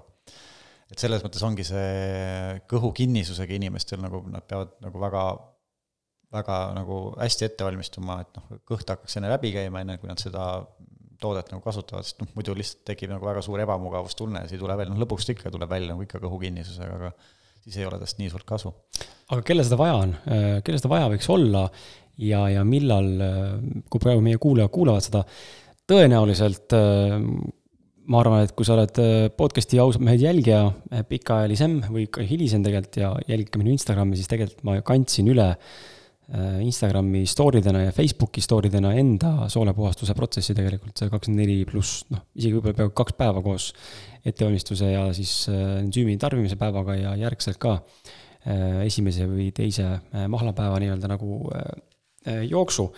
et kui sa juhuslikult ei ole veel sellega kursis ja ei ole veel sellele sattunud, siis mine külasta ausalt meelde Facebooki lehekülge ja sa leiad üles sealt äh, Facebooki feed'ilt allapoole kerides siis äh, postituse, kus äh, ma sellest pikemalt ka natukene räägin, et siin ma ütlen kohe sulle, kaua otsima ei pea, siin natukene allapoole kerides tuleb sulle siit peaks olema pildid ka, no ongi pildid siin, pildil on siin, esimene lause on siis kolmkümmend üks mai kirjutatud ja lause hakkab siis sellega, et jagan sinuga enda kogemust ja pilte on siin kokku kümme kaasa pandud, esimene suur pilt on siis batoonid. Batoonipilt, aga tegelikult sinna järgnevad siis ka salatid, mahlad ja siis need tootepildid ja minu kakapilt on ka olemas seal. Äh, mine kindlasti uuri ja suumi. Äh, aga selles mõttes, et äh, räägi, kellel on seda vaja ja, ja kui tänane kuulaja mõtleb, et hmm, tahaks ka, on ju, proovida, siis kas, kas ja millal ja, ja mismoodi ta selle, selle tooteni siis nagu jõuda võiks? no mina ei ole näinud inimest veel, kel, kes, kellel see mööda külge maha jookseks, et küll on tavaliselt inimesed jõuavad selleni või noh, noh, mitte tavaliselt ei jõua, ma ei saa nii öelda, et, et aga inimesed hakkavad mõtlema rohkem selle peale siis, kui neil on mingi, midagi viga juba. Oh, vaatavad seda alternatiivi võib-olla, kes on nagu avatumad, on ju, et, et mis nagu saab ja siis nad jõuavad selle tooteni. aga noh, tegelikult ei pea ootama nii kaua, kui midagi viga oleks, et ma olen ühel inimesel näinud, kes tegelikult oli juba üle kuuekümne, kellel tuli sealt esimese korra peale tuligi nii-öelda peaaegu läbipaistev värk välja. ehk et ta oli tõesti väga puhas soolestik. ja ma küsin ka, et kuidas see, kuidas see noh, kuidas see võimalik on, siis ta ütles ka, et aga ma olen teinud tegelikult peaaegu terve elu sporti, siis ma olen veepaastusid teinud ja kogu aeg nii-öelda hoolitsenud enda, enda tervise eest, et ja siis ongi võimalik, et pidev nii-öelda hoolitsus, ilma et ta oleks ära oodanud seda, et ta haigeks jääb ja siis alles mhm. hoolitsema hakanud. aga ta ütles, et väga meeldis, sest tavaliselt see veepaast, mis ta, mida ta teeb, on seitse päeva või kümme päeva, et, et noh, selle sai tehtud on ju kogu perioodi võttes üks päev oled tõesti ainult nende peal, aga siis ütleme, et, et neli-viis päeva, eks ju, et, et äh, üli, ülilihtne oli. aga, aga jah, et ütleme nii, et äh, profülaktikas võiks seda tegelikult kõik kasutada, mina soovitan igal juhul seda kasutada, eriti kui äh, inimesed ongi siin, elavad stressirohket elu, söövad natuke, teevad va-, valesid valikuid toidu osas. Mm.. ma võib-olla tooks sisse siia selle, et, et noh, kui, kui nüüd kuulaja mõtleb, et mis asja, on ju, et, et äh, mul tunnen ennast jube hästi, eks ju, et, et äh, miks ma üldse tegema pean seda, siis äh, kuidas see asi üldse tekib, kuidas meil, noh, meil on ju organid olemas, eks ju, meil on, äh, mis ise puhastavad organismi, et miks, miks siis üldse meil vaja puhastada vahepeal või, või lisaks vaja puhastada on? või, või miks on vaja tarbida neid ensüüme?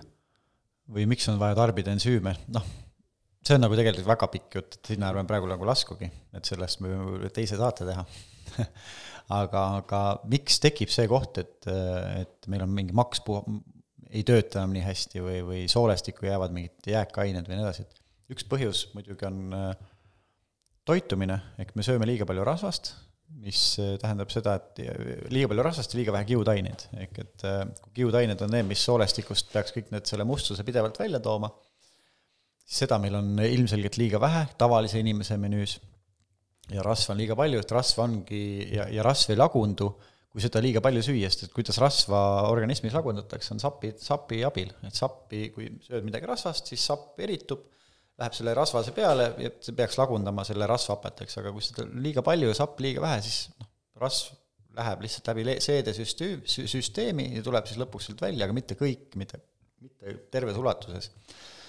ja teine väga suur osa, miks äh, siseorganid ei saa kõige efektiivsemalt töötada, on pidev stressiolek. ehk siis äh, sümpaatiline närvisüsteem on pidevalt aktiveeritud. mis ma selle pidevalt aktiveeritud all silmas pean?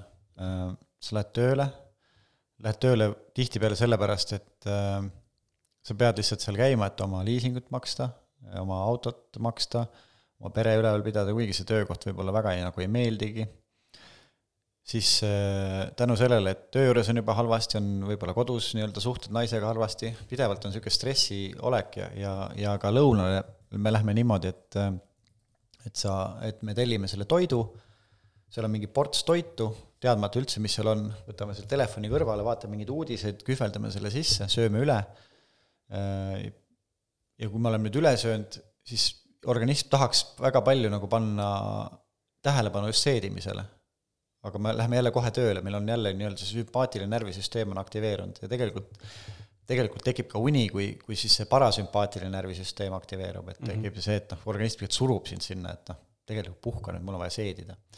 mis seal nagu vahet on, ma siin räägin süs-, sümpaatiline, parasümpaatiline, et sümpaatiline on äh, aktiveerunud siis, kui inimene on niisuguses olekus, et ta peab kas võitlema, põgenema, ühesõnaga sellises äh, stressiseisundis. ärevas seisundis. ärevas seisundis, siis äh, organism suudab, suunab äh, verevarustuse pähe jäsemetesse, ehk et me saaksime põgeneda, me saaksime kiirelt mõelda ja paratamatult siseorganid jäävad nii-öelda vähesema tähelepanuta.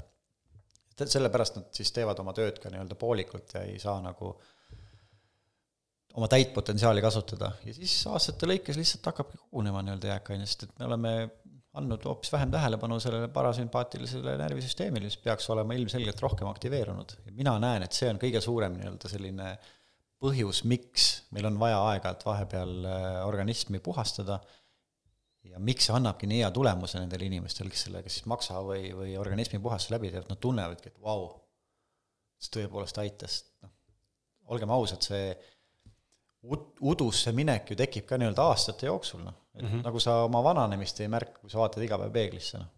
samamoodi sa ei märka seda, kui sul energiatase läheb vaikselt alla või, või äh, sa ei ole lihtsalt nii produktiivne enam, et, et see sa märkad lihtsalt neid suuremaid äh, muutuseid mingi just, hetk. just, just mm.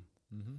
ja, ja ja see tekib nii-öelda aastate jooksul ja, ja see on see põhiline põhjus, pluss veel muidugi see keskkond, kus me elame, et Eestis on isegi hästi, eks ju, aga, aga suurlinnades on ka need äh, toksiinid ja, ja ja üleval, mida me sisse hingame, eks, ja toit samamoodi, et, et äh, ma ei tea, kui äh, kuulaja on vaadanud ja lugenud natuke artikleid, et kui jälle keegi kontrollib mingit puuviljade või juurviljade toksiinide sisaldust, siis nagu pika puuga tihtipeale üle, üle normi, et seda tegelikult ei kontrollita niimoodi, nagu võiks ja, ja ma usun, et sellel on ka oma põhjus, sest et tegelikult kui hakataks kontrollima, siis meil oleks toidu defitsiit, noh lihtsalt on, meid lihtsalt on maakera peal nii palju, et, et meil on vaja kasutada kõiki neid toksiine ja asju, et, et kasvatada lihtsalt palju rohkem toitu kasvava inimkonna jaoks.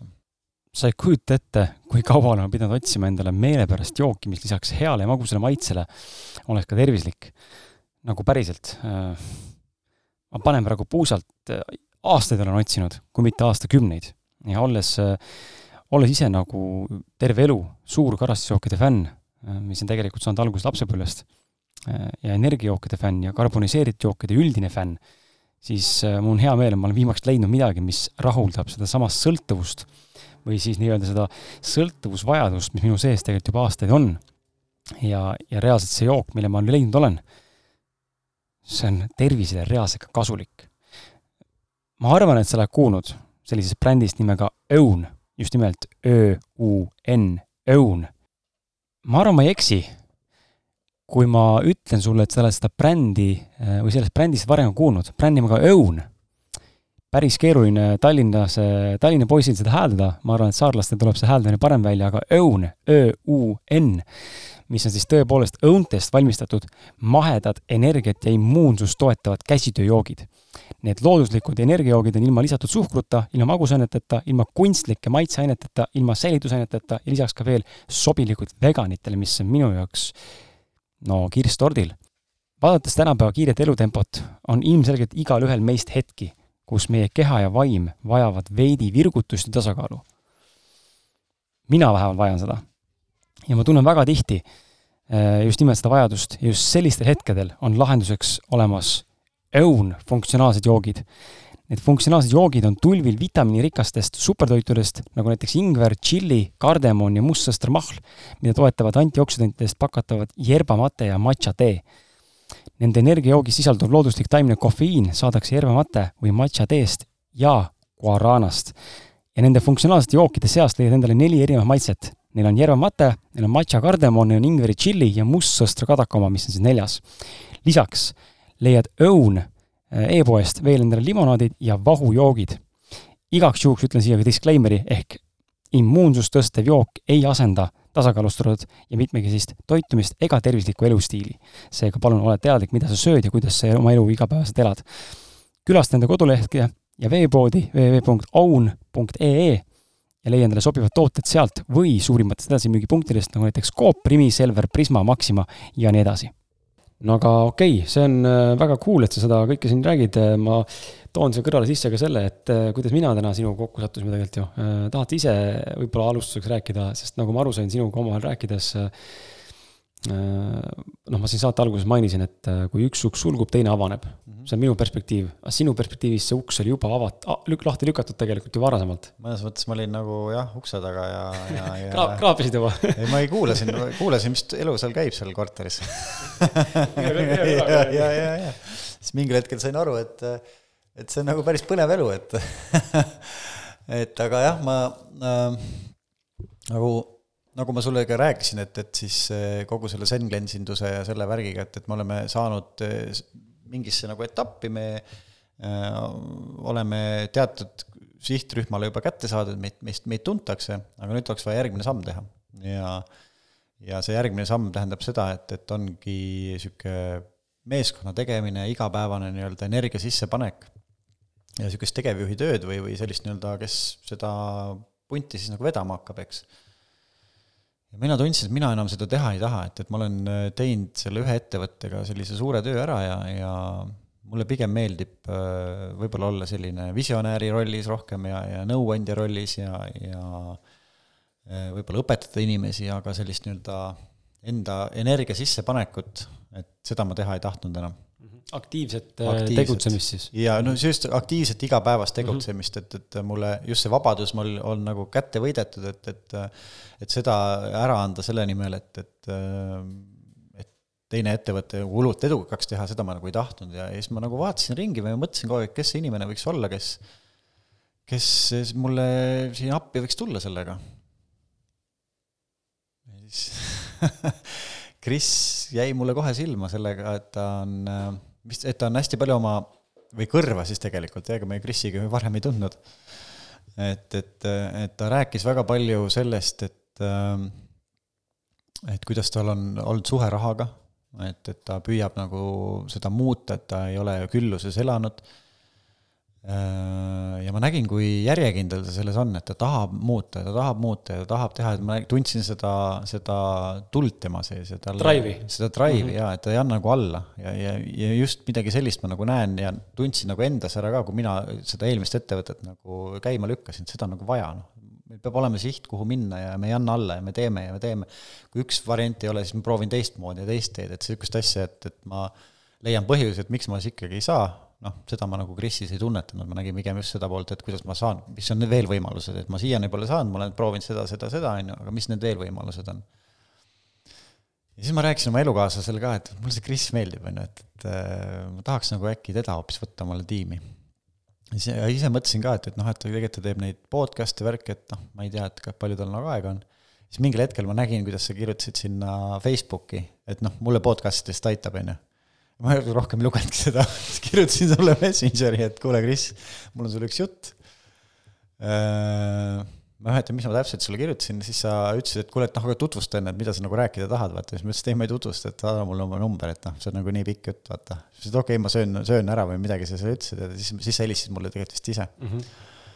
ja siis ma nagu rääkisin sulle kiirelt selle, selle, ma ei tea, selle kahetunnise podcast'i siis viie minutiga ära ja ütlesin, et, et noh, et kuidas sulle tundub, et kas selle kuulamise pealt või selle info põhjal tunned sa, et sa tahaks minuga kokku saada nagu pikemalt rääkida sellest? mille peale sa ütlesid, et jah, tundub küll nii, et ma tahan. ja siis me saime juba pikemalt kokku ja siis me rääkisime pikemalt ja, ja siis nüüd sa siin oled. see, ma pean siinkohal nagu eh, tooma nagu tähelepanupunkti selle podcast'i pooli jätmise või lõpetamise, et noh, ka sina äh, lugesid postitust, eks ole, ja tegelikult saadet, mis sellega kaasa pandi, kuulama ei läinud, on ju, et tegelikult tundub, et paljud äh, ka seda ei teinud äh,. tegelikult, kuigi seda on päris palju kuulatud, seda saadet äh,, päris palju isegi äh,, arvestades seda, ma üksinda räägin seal, et need taas, need saated tavaliselt ei keri väga jõuliselt, aga aga vaadates neid kommentaare, siis mind saadeti nagu viimas-, viimsele teekonnale, on ju, et enam-vähem pannakse kirstu ära ja aitäh, et olid, vaata, me oleme, me oleme sinuga ja et umbes nüüd on, nüüd on surnud, vaata, et et see oli clickbait selles mõttes, et ma igaks juhuks rõhutan uuesti, et ma lähen podcast'iga pausile, sellepärast et on olen sisenemas startup maailma ja ma tahtsin võtta ka aega raamatu kirjutamiseks ja võtta lihtsalt aega suvel maha. mul oli sel hetkel, kui ma välja ütlesin selle kuu aega tagasi, siis oli ette salvestatud paar saadet, millest viimane ongi järgmine reede. sinu jaoks, kui sa kuulad seda nüüd siin eh, juunikuus, siis kakskümmend viis juuni, kui see oli reede, siis sel päeval tuleb viimane saade ja siis on nagu paus ja rohkem ma välja tõenäoliselt ei anna, võib-olla mõni üksik suvel. et podcast ei kao ära, lihtsalt läheb pausile, et saaks fookuse panna mujale. ja ma olin avatud ka mm, just nimelt sellele, et kui ma panen käest ära selles, mis siis nagu tahab elu nagu anda mulle ja noh, nagu ma ütlesin, üks, üks hulk teine avaneb, on ju, kohe tuli sinult, Maarja, mulle noh, kiri, kiri, on ju. ja see käis nii kähku ka, see kiri, et ma kohe tundsin, et davai, et ma olen huvitatud kuulama, et elu noh, kohe niimoodi pakub, et see ei ole nagu niisama kokkusattumus ega juhus. ja, ja eks muidugi, kui sa helistasid, tahtsid helistada mulle või pakkusid välja, et davai, et räägime, siis ma tahtsin saada sult väikest ülevaadet kirjalikult, sest ma tundsin, et ma ei, mul oli esimene reaktsioon oli see, et eh, oh, ei viitsi rääkida mitte kellegagi, vaata, ma ei taha midagi kuulda, et ma olin just sellises seisus, kus tundsin nagu, et ma ei taha mitte midagi, mitte kuidagi inimestega kokku puutuda, kuidagi täielik sihuke nagu just sel päeval nagu või viimase nädala aega sihuke hästi nagu alla surutud tunne selline, et nagu ma tahaks lihtsalt, lihtsalt omaette privaatselt nagu olla, et jätke rahule kõik asjad, nagu ma tahaks välja astuda sellest maailmast korraks.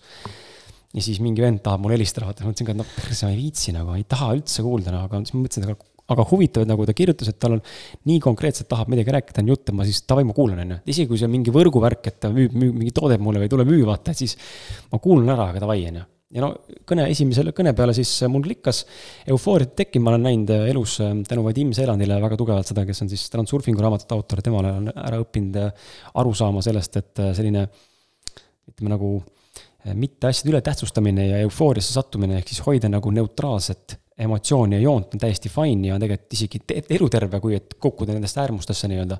ja võtsingi neutraalse hoiaku, et vau, et pigem positiivne, aga ma ei lähe nagu üli excited, on ju, kuigi Äh, sa nii-öelda piltlikult öeldes ühe, ühe stsenaariumiga rahaga mind justkui motiveerisid, on ju, et tahad teenida, vaata, mul on üks hea võimalus, on ju. Ja siis mul nagu see käivitas, aga mind pakkus ka huvi see, millega sa tegeled, ju, see, kogu see Senglensi teema ja siis saime kokku ja sealt nagu läks edasi, on ju, täna me siis nagu oleme siin nädal pluss toimetanud, on ju. ja, ja väga lahe on, et äh, ma, ma olen nagu väga tänulik, et sa selle võimaluse lõid, et äh, fantastiliselt siukse väikse pere, väikse peretunne on, et meil tegelikult on, kui Jana, Jana Sandberg istub ka meil siin taga, keda tunnen varasemalt juba eelmise töökoha juurest, kui ma töötasin meediaagentuuris, et. ja no Rene Pürklandi tunnen ka, on ju, et Renega tegelikult Veiko Valkjaininiga, kes on siis podcast'i podcast'i juhtimiskvaliteet on konkurentsieelis, jube raske nimi on, peab Veikole ütlema ikka, et ära muudaks selle et äh, selle, selle podcast'i saatejuht, et temaga tegime koos ju mingi aeg webinari siin ja Rene oli esimene külaline, mis siis oli tasuliste piletitega müük, et seda saadet ei ole võimalik ära kuulata veel, kui Veiko just ei anna mul luba mulle, aga võib-olla tekib saade kuskil sügise poole meie podcast'i alla ka.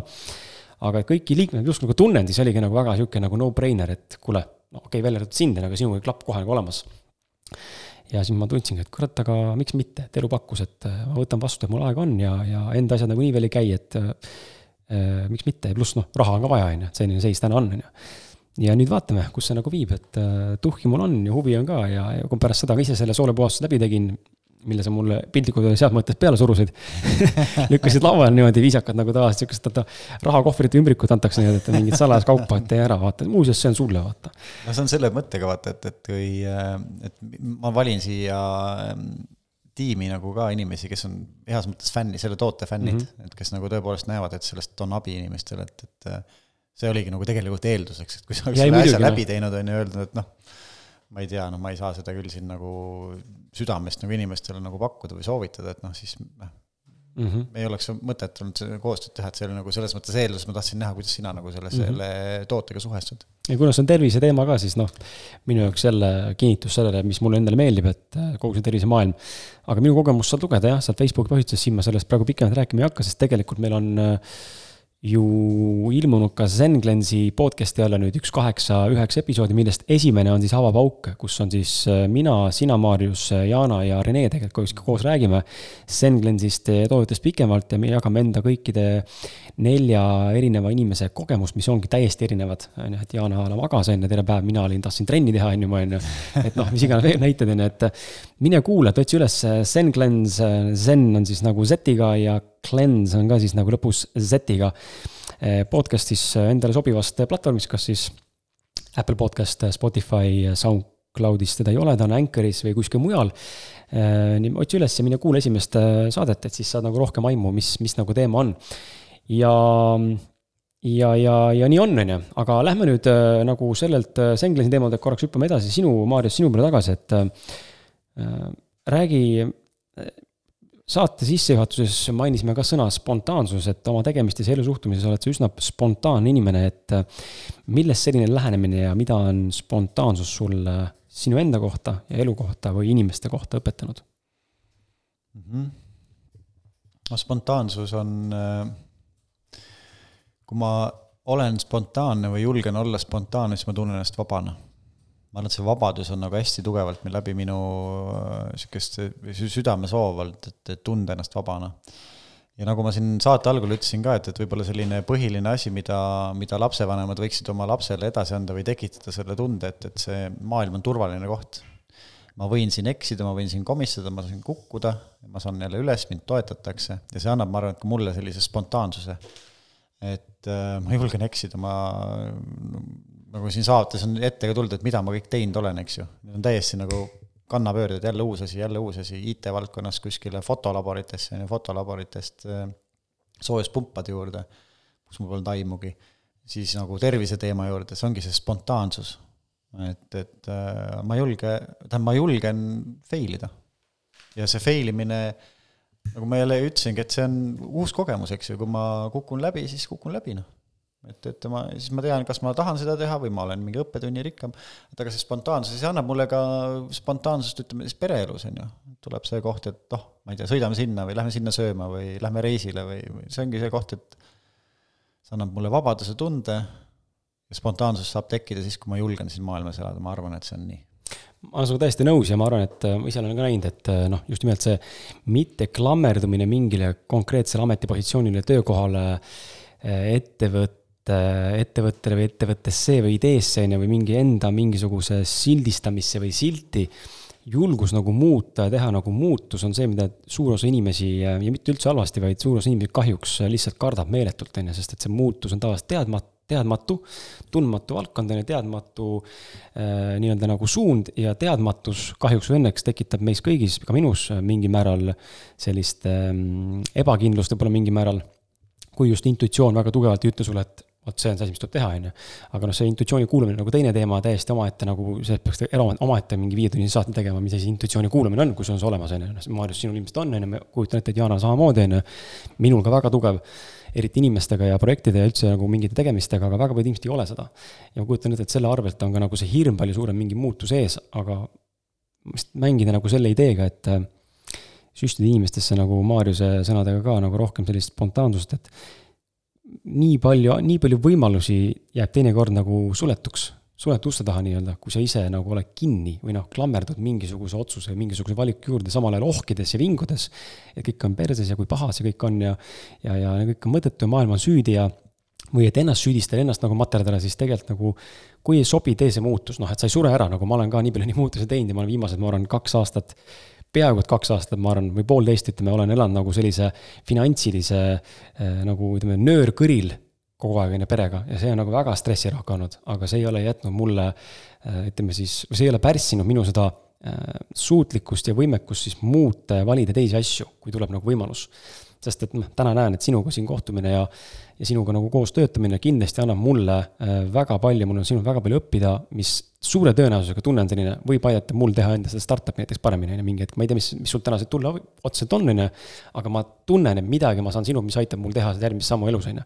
et kui vaadata asju nagu üleminekuperioodina või nagu kasvõi ajutisi mingeid koostöid, äh, ilma et me paneks mingit ajalist raami sinna graafikule siis või teljele, siis olla avatud nagu selles mõttes on spontaansus äge minu meelest jaa, see on jumalast õige jutt, aga, aga samas ma saan siin äh, võib-olla öelda seda ka, et need inimesed, kes väga palju kontrollivad ja, ja neile öelda, et ole spontaanne, et see ei ole niisama lihtne. et mm, -hmm. et see ei, see ei teki nii, et, et noh, et Kris ja Marius rääkisid, et ma nüüd hakkan spontaanseks, eks, et see on äh, aga kuidas seda katsetada siis, no selles mõttes, et ma ei, ma usun, et tasakaal on oluline, on, ongi oluline vahepeal olla struktureeritud, on ju, eile Jaanaga vestlesime ka sellest, et struktuuri loomine on tegelikult oluline mingite eesmärkide täideviimisel, on ju, ülesannete täitmisel, struktuurid on inimeseti erinevad Äh, dünaamikad on erinevad, kuidas mingi asi töötab, aga tasakaal, aga kuidas nagu just nagu sellele inimesele, kes pole mitte kunagi spontaansust kompinud, kuidas nagu või intuitsiooni kuulanud, äh, mõistus ütleb üht, intuitsioon ütleb teist, aga usaldab mõistust, sest et see on justkui nagu ratsionaalne, loogiline, on ju. et kuidas nagu siis hakata teadmatust usaldama, sest teadmatus ei pea alati halb olema, kuigi me tavaliselt seda võrdusmärgi sinna tõmbame, on ju, et teadmatus võib olla ka väga üllatav, on ju. aga kuidas nagu mida siis öelda inimestele, mis oskad öelda? No see on, äh, mina saan jälle oma kogemusest rääkida, mitte küll spontaansuse osas, see on mul kogu aeg olnud, aga ka mingite muude muutuste osas, mida ma olen ellu viinud, et kui, kui inimene tunneb, et spontaansuse puudumine takistab ta elu, ehk et ta tahab tegelikult olla spontaansem, aga ta ei suuda, tal tekivad, tekivad hirmud, midagi läheb kontrolli alt välja, äh, see on tegelikult kõik alateadvuse tänuväärne töö, äh, alateadvus on meid elus hoidnud see kontroll või spontaansuse puudumine on kõik lapsepõlvest pärit, et lap-, lapsevanemad on siis äh, kas ei teinud ise kõiki asju ära, kontrollinud lapse eest, et laps ei ole saanud ise nii-öelda katsetada ja tunnetada seda, et, et kui ta isegi kukub või, või ta teeb midagi valesti, et sellest ei ole midagi hullu, sealt ta saab ainult õppida mm. -hmm. et see ongi see koht, mida veel kord ütlen, et lapsevanemad, ma arvan, minu jaoks on see, et, et, et seda nagu lastele kõige rohkem, kui, kui selle saab laps selgeks, ta julgeb nagu kõiki asju nagu katsetada, eks ju. aga kui seda ei ole selgeks saadud, siis mina usun, et me võime rääkida nendele inimestele, kui palju tahes hakkas spontaanselt seda ei juhtu. küll on äh, võimalus äh, saada ligi oma alateadvust, alateadlikele programmidele, näiteks äh, rännakuteraapias, mingites hingamistes, NLP on veel teine asi, millega saab nii-öelda ka neid asju muuta või sinna ligi, aga, aga minu jaoks on alati või olnud see rännakuteraapia või, või holistiline teraapia see, kus mina olen oma mustrit saanud muuta ja, ja, ja ärge saage valesti aru, alateadvus ei ole keegi halb, kes mm -hmm. tahab siin nagu, äh, et, et ära ole spontaanne, see on tema jaoks selgeks õpitud programm, kuidas sind elus hoida. ja see, kui sa mõistusega tahad midagi seal vastu hakata, siis see ei õnnestu, võib-olla õnnestub korraks, aga sa tunned ikka ebamugavalt, sest -hmm. alateadvus kogu aeg hoiab sind nii-öelda elus. Nende programmide järgi, mida ta õppinud on. et seda muuta, tahab see väga palju tööd saada, see, see ei käi niisama nipsust.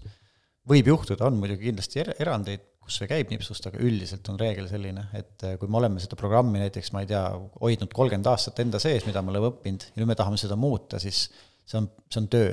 mina ütleks, et kui sellega aktiivset tööd teha, siis poole aastaga on seda võimalik muuta. ongi olemas jah, rännakuteraapia, holistiline teraapia, igasugused erinevad praktikad ähm,, mul ei tule praegu meelde, on äh, no vot, äkki me saame sinna panna pärast sinna alla, kui mul see meelde tuleb, on ka siuksed kihvtid, kihvtid asjad, et, et seda alateadvusega tuleb nii-öelda, seda, see, sinna tuleb sisse minna, vaadata, miks me tekitame endale sellist reaalsust, mida me tegelikult tahame sellega ära hoida, et me ei ole spontaansed, mida me kardame, kui me sellest oleme aru saanud, siis seda saab muuta. Äh, niikaua me saame lihtsalt selle nagu äh, võtta teadmiseks, ahaa, teistpidi on ka võimalik. ja see on okei okay,, kui mina täna ei saa otsustada, et ma nüüd hakkan spontaanseks, see on nagu töö et kui mina sellele teele astusin ka või, või sellele alateadlik, ala, ma alateadvust hakkasin uurima, siis mulle tekitas hästi palju niisugust frustratsiooni väide äh, esoteerikute poolt või nende õpetajate poolt siis, kes nii-öelda on õpetajad, et aga sa saad ise valida, mida sa teed või kes sa oled. aga ma ei saanud, mina ei saanud valida, ma mõtlesin, kas ma olen siis nii nagu sitt vend või? Miks ma siis valida ei saa, on ju, miks ma ei saa valida seda, et ma ausalt kõik ära räägin näiteks, et mm -hmm. miks ma ei saa valida, et mul on suva sellest, kuidas teine tunneb, kui mina ausalt ära räägin, vaata et ma mõtlesin nii, nüüd noh, mingid case, mingid olukorrad olid näiteks äh, lapse emaga, on ju, lähen, nüüd ma räägin kõik ausalt ära, lähen sinna ja ma ei suuda valida seda, siis ma hakkasin, siis ma hakkasin aru saama, et me ei saa valida. alateadus ütleb, et sa ei, praegu ei räägi, sest et alateadus on väga suur hirm, et kui praegu on see koht, kus kus näiteks teine inimene solvub su peale või tunneb halvasti, siis ta jätab sind maha, hülgab, näiteks minul oli see loogika, on ju, siis ta hülgab mind, siis ta läheb minema, siis ma olen üksi siis, siis ei taha keegi mm -hmm. mind enam, äh, siis ma olen üksi, on ju, siis läheb poeg mu juurest veel minema, siis ma suren nagu põhimõtteliselt ära, see surmahirm hakkab sealt tagant, on ju. Siis, läbi erinevate dünaamikute. ja siis ma lihtsalt äh, hämasin, eks ju, ma ei rääkinud nagu lõpp, tõtt, tõde, on ju. ja siis ma sain, vaatan kõrvalt ennast, ütlen, et ma ei saa valida. See on kõik bullshit, mida öeldakse, et sa saad valida, jaa, sa saad mingil aja pärast valida, kui sa oled kuhugi maani jõudnud oma nende sisemiste töödega, siis sa tõepoolest saad hakata valima neid asju, et sa oskad kõrvalt vaadata, ahaa, mul on praegu mingi niisugune emotsioon. kas ma valin nüüd seda või teist, aga see on suur-suur töö, see ei ole niimoodi, et ah, ma nüüd valin, et kõik ju valivad, on ju, see ei ole niimoodi. puudutasime siin äh, ka mõned, äh, mõned nagu mõtted tagasi ja küsimused tagasi ka raha ehm ja sa ütlesid ka hea lause, ma usun, et see käib ka raha, tegelikult see käib iga, ükskõik missuguse valdkonna kohta, aga rahast, raha näiteks ka rääkides, et see, et mul oli poolteist aastat või on poolteist aastat veel täna aktuaalselt selline, ütleme, rahaline seis, on ju, see on mu enda valik mingil põhjusel, ma olen selle valinud, on ju, alateadlikult siis, et midagi ära hoida või milleski, et ma ei tea, ala siis rikkus äkki paneb katuse sõitma või ma ei tea, on ju, mis seal on mm. -hmm et mingi põhjus on see vajalik, me seda tihtipeale kohe alguses hetkemomendis ei näe, võib-olla alles tagantjärgi ja võib-olla kunagi ei avasta üldse, on ju. iseseisvalt, kui just keegi on lessi aitab mingi praktikate või coach'i suunas kuidagi või mingi rännak või mis iganes veel, on ju. aga kuidas sina raha mõistad, et äh, räägi korra sellest ka, sest et äh, kuidas nagu sa raha käsitled ja milline suhe on siin isiklikult rahaga. noh, lapsepõlve natuke sa puudutasid, on ju, äh, aga just nagu täiskasvanu eas, et kas sa oled pigem selline, ma ei tea, priiskav inimene justkui äh,. keskendud sa küllusele, kas sa mõtled rahast kuidagi, kas sa kasutad raha vahendina, paned sa sinna mingisuguse energeetilise tähenduse endale juurde või, või ma ei tea, nagu see Mindvalley omanik on ju kuskil siin sponsoride videodes kogu aeg näitab mulle, et ta maksab, paneb silmad kinni, on ju, et mingi hull, mingi hull mingit tehnikat taga on ju, ma olen siinkohal nagu veits nagu hakkan naerma, sest et. ma mõistan nagu natuke seda, et seal on nagu mingi asi võib taga olla, see suhtumine, aga natuke tundub, et see raha ümber on tekitatud liiga palju sellist nagu mambo-jambot, et noh, tegelikult me tähtsustame mingisuguse ühe asja üle, ma ise ka mingis osas et rahal on justkui suurem tähtsus ja suurem mingisugune taustajõud ja dünaamika kui a la ma ei tea, suhtel, seksil, eh, ma ei tea, kakamisel on ju, kuigi tegevuse mõttes, tegevuse ja energia mõttes on tegelikult nagu sama asi, võrdväärne, lihtsalt me paneme selle teise tähtsuse. et kuidas sina nagu seda raha mõistad ja mida oskad soovitada? jah, ma jah, selles mõttes see on hea näide sul Mindvalley omanik, et äh, mina ei oska võib-olla niimoodi samastuda, sest Mindvalley omanik on kordades rikkam kui mina mitte üldse halvasti midagi tema kohta öelda, selles mõttes. just, just, et, et aga, aga, aga ma arvan, et see oleneb ikkagi ka, et mida me sellest rahast tahame, eks ju, et kui meil raha on eesmärk omaette, noh, siis võib-olla võibki seal mambo-jambot teha ja kõike nagu seda väga palju äh, siis endale nagu juurde kogu aeg manada igalt poolt, eks ju. Äh, aga minu suhe rahaga, noh, ma võib-olla tooksin ikka korraks selle lapsepõlve poole sisse siia, et võib-olla sealt on ka mõnes mõttes alguse saanud see suhe rahasse, et, et tegelikult minu vanemad olid ju mõlemad teedeinsenerid, nõukogude ajal oli teedeinseneri palk pigem kesine, nõukogude ajal üleüldse oli, siis sa elasid hästi, kui alt leti said midagi, minu vanemad ei ole kunagi niisugust asja teinud, nende eetika vastane on see alati olnud. ehk me elasime pigem vaeselt aga mina lapsena ei tundnud puudust mitte mm -hmm. kunagi, isegi kui meil oli tõepoolest, ema on tagantjärgi rääkinud, meil ei olnud mannat, et mannavahtu teha, siis ta tegi odrajahu vahtu. Ja ma ei tundnud kunagi, et see oleks, see rahapuudus oleks olnud kuidagi mõjutada, mõjutanud ema-isa suhet, suhet lastesse, äh, seda, et oi, meil on nüüd jube halvasti, et meil ei ole raha, et, et äh, see armastuse pool nagu on, või see külluse pool on, või see tunne on mul kogu aeg olnud. kuidas mina rahasse suhtun raha meeldib mulle. Mm. mulle meeldib, kui mul on äh, raha tagavara, et mul on mis iganes, ma ei tea, mul, mul ei ole isegi niimoodi mõeldud, et mul on mingi kolm kuud või kuus kuud või aasta või mis iganes. aga mul on kuidagi rahaga mingi niisugune süsteem, et mul on nagu mitu kontot ja siis mul on niimoodi, et mul on see aktiivne konto, seal ma tahaks, et mul oleks mingi, mingi osa raha kogu mhm. aeg. siis mul on niisugune konto, kus, kus ma sinna akt-, vajadusel aktiivselt kontolt kannan raha, siis mul on veel niisugune konto, kus mul on see, mida ma kunagi põhimõtteliselt ei, ei puutu, siis mul on veel sularaha, mulle sularaha hästi meeldib. Et, et äh, kuidagi see tunne, et mul on sahtlis natuke sularaha, see on niisugune mõnus, niisugune turvaline tunne. et, et ja kuidagi sularahaga maksta on hoopis teine nagu niisugune energeetika või niisugune mõnes mõttes nagu uhke tunne isegi, et, et niisugune pool, poole. võtan ikka selle enda välja teenitud raha, vaata, et ja, mis ja, ja siis ma maksan selle eest, et muidu on see kuidagi, kuidagi jah ei, tunne seda tunnet nagu, et see minu nagu tööga midagi hullud. aga see rahasüsteem on mul jah, selles mõttes, et et kui mul see põhikonto siis on ju, kus ma iga päev kasutan, seal on niisugune stabiilne seis, mul on nagu süda täitsa rahul. nüüd, kui ma pean minema, sealt hakkab näiteks, ma olen suuremaid kulutusi teinud, sealt läheb nagu raha nagu vähemaks, ma pean hakkama juurde äh, nii-öelda kandma sealt vahekontolt siis siis ma hakkan kohe vaatama, ahaa, nii, nüüd mul on niisugune asi, et mul tekib nagu väike niisugune koht, et nii, nüüd ma pean siin ikkagi vaatama, kuhu ma kulutan või kas mul ei tule siis nii palju nüüd sisse või või mismoodi, eks ju, pigem ma nagu vaatan seda ka, et, et okei okay,, et, et äh, mul ei tule sisse nii palju, et ma pigem seda nagu ei vaata, et, et ma ei saa osta. Et kuidas ma siis nagu saan tekitada selle olukorra, et mul rohkem sisse tuleks mm. -hmm. üks kiiks on mul rahaga, sularahaga eriti see on jälle lapsepõlvest, noh, kõik on lapsepõlvest pärit. ema ütles mulle alati, et kui sa raha puutud, siis alati pead käsi pesema.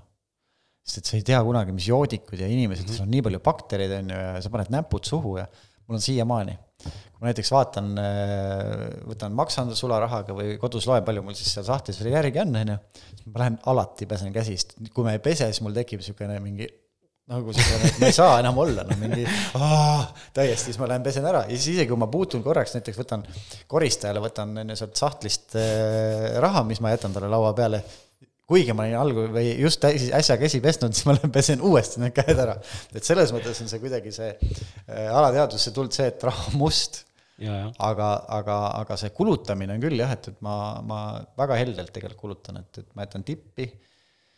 mul oli kunagi niisugune unistus lapsepõlves, et ma tahaks, et äh, ma tahaks, et mul oleks nii palju raha, et mul oleks alati jäätist külmkapis, nii palju, kui ma jõua, süüa jõuan ja et ma saaks ist- või astuda sisse ükskõik millisesse maailma restorani, ilma et ma üldse menüüd vaataks ja süüa mm -hmm. ja nautida seal toitu, et äh, ja see unistus on ka täitunud, et, et äh, tõepoolest ma võin minna ja nii palju raha mul kontol alati on, et ükskõik milline restorani arve kinni maksta.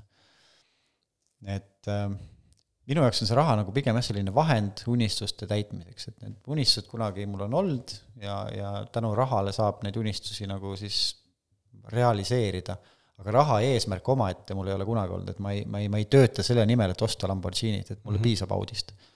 Äh, ma ei tööta selle nimel, et ehitada omale viiesaja ruutmeetrine maja, et, et äh, mul ei olegi veel maja, ma elan, elan korteris, nüüd on küll plaanis ehitama hakata. aga raha on vahend, mis annab mulle vabaduse ja, ja neid unistusi, noh, vabadus on ka minu unistus olnud, eks ju, et, et äh, kui ta nii palju suudab mulle anda, siis ma olen väga õnnelik. täiega nõustun sinuga, et raha on, ma ise defineerin ka raha enda jaoks nagu Äh, vahendina, mis pakub mulle valikuvabadust, äh, noh, mis iganes see valik siis parasjagu on, on ju, kas süüa seal, kus tahan, osta seda, mis tahan, reisida seal, kus tahan, on ju. et äh, selle niisugune elementaarse valikuvabaduse võimaldamine endale, ma ei tea, panen praegu siin suurusjärgus a la mul on arvel tonn euri, on ju, üle kogu aeg, on ju, konstantselt, see tekitab minus isiklikult väga suure turvatunde, mul on no, no, no pressure, on ju. ja ma olen ka selles mõttes sularaha inimene, kui me sinna Euroopasse läksime reisima siin, noh, paar aastat tagasi, siis ma mäletan, me kogusime elukaaslasega niimoodi, ma töötasin siis äh, spordipoes, olin seal osakonna juhataja.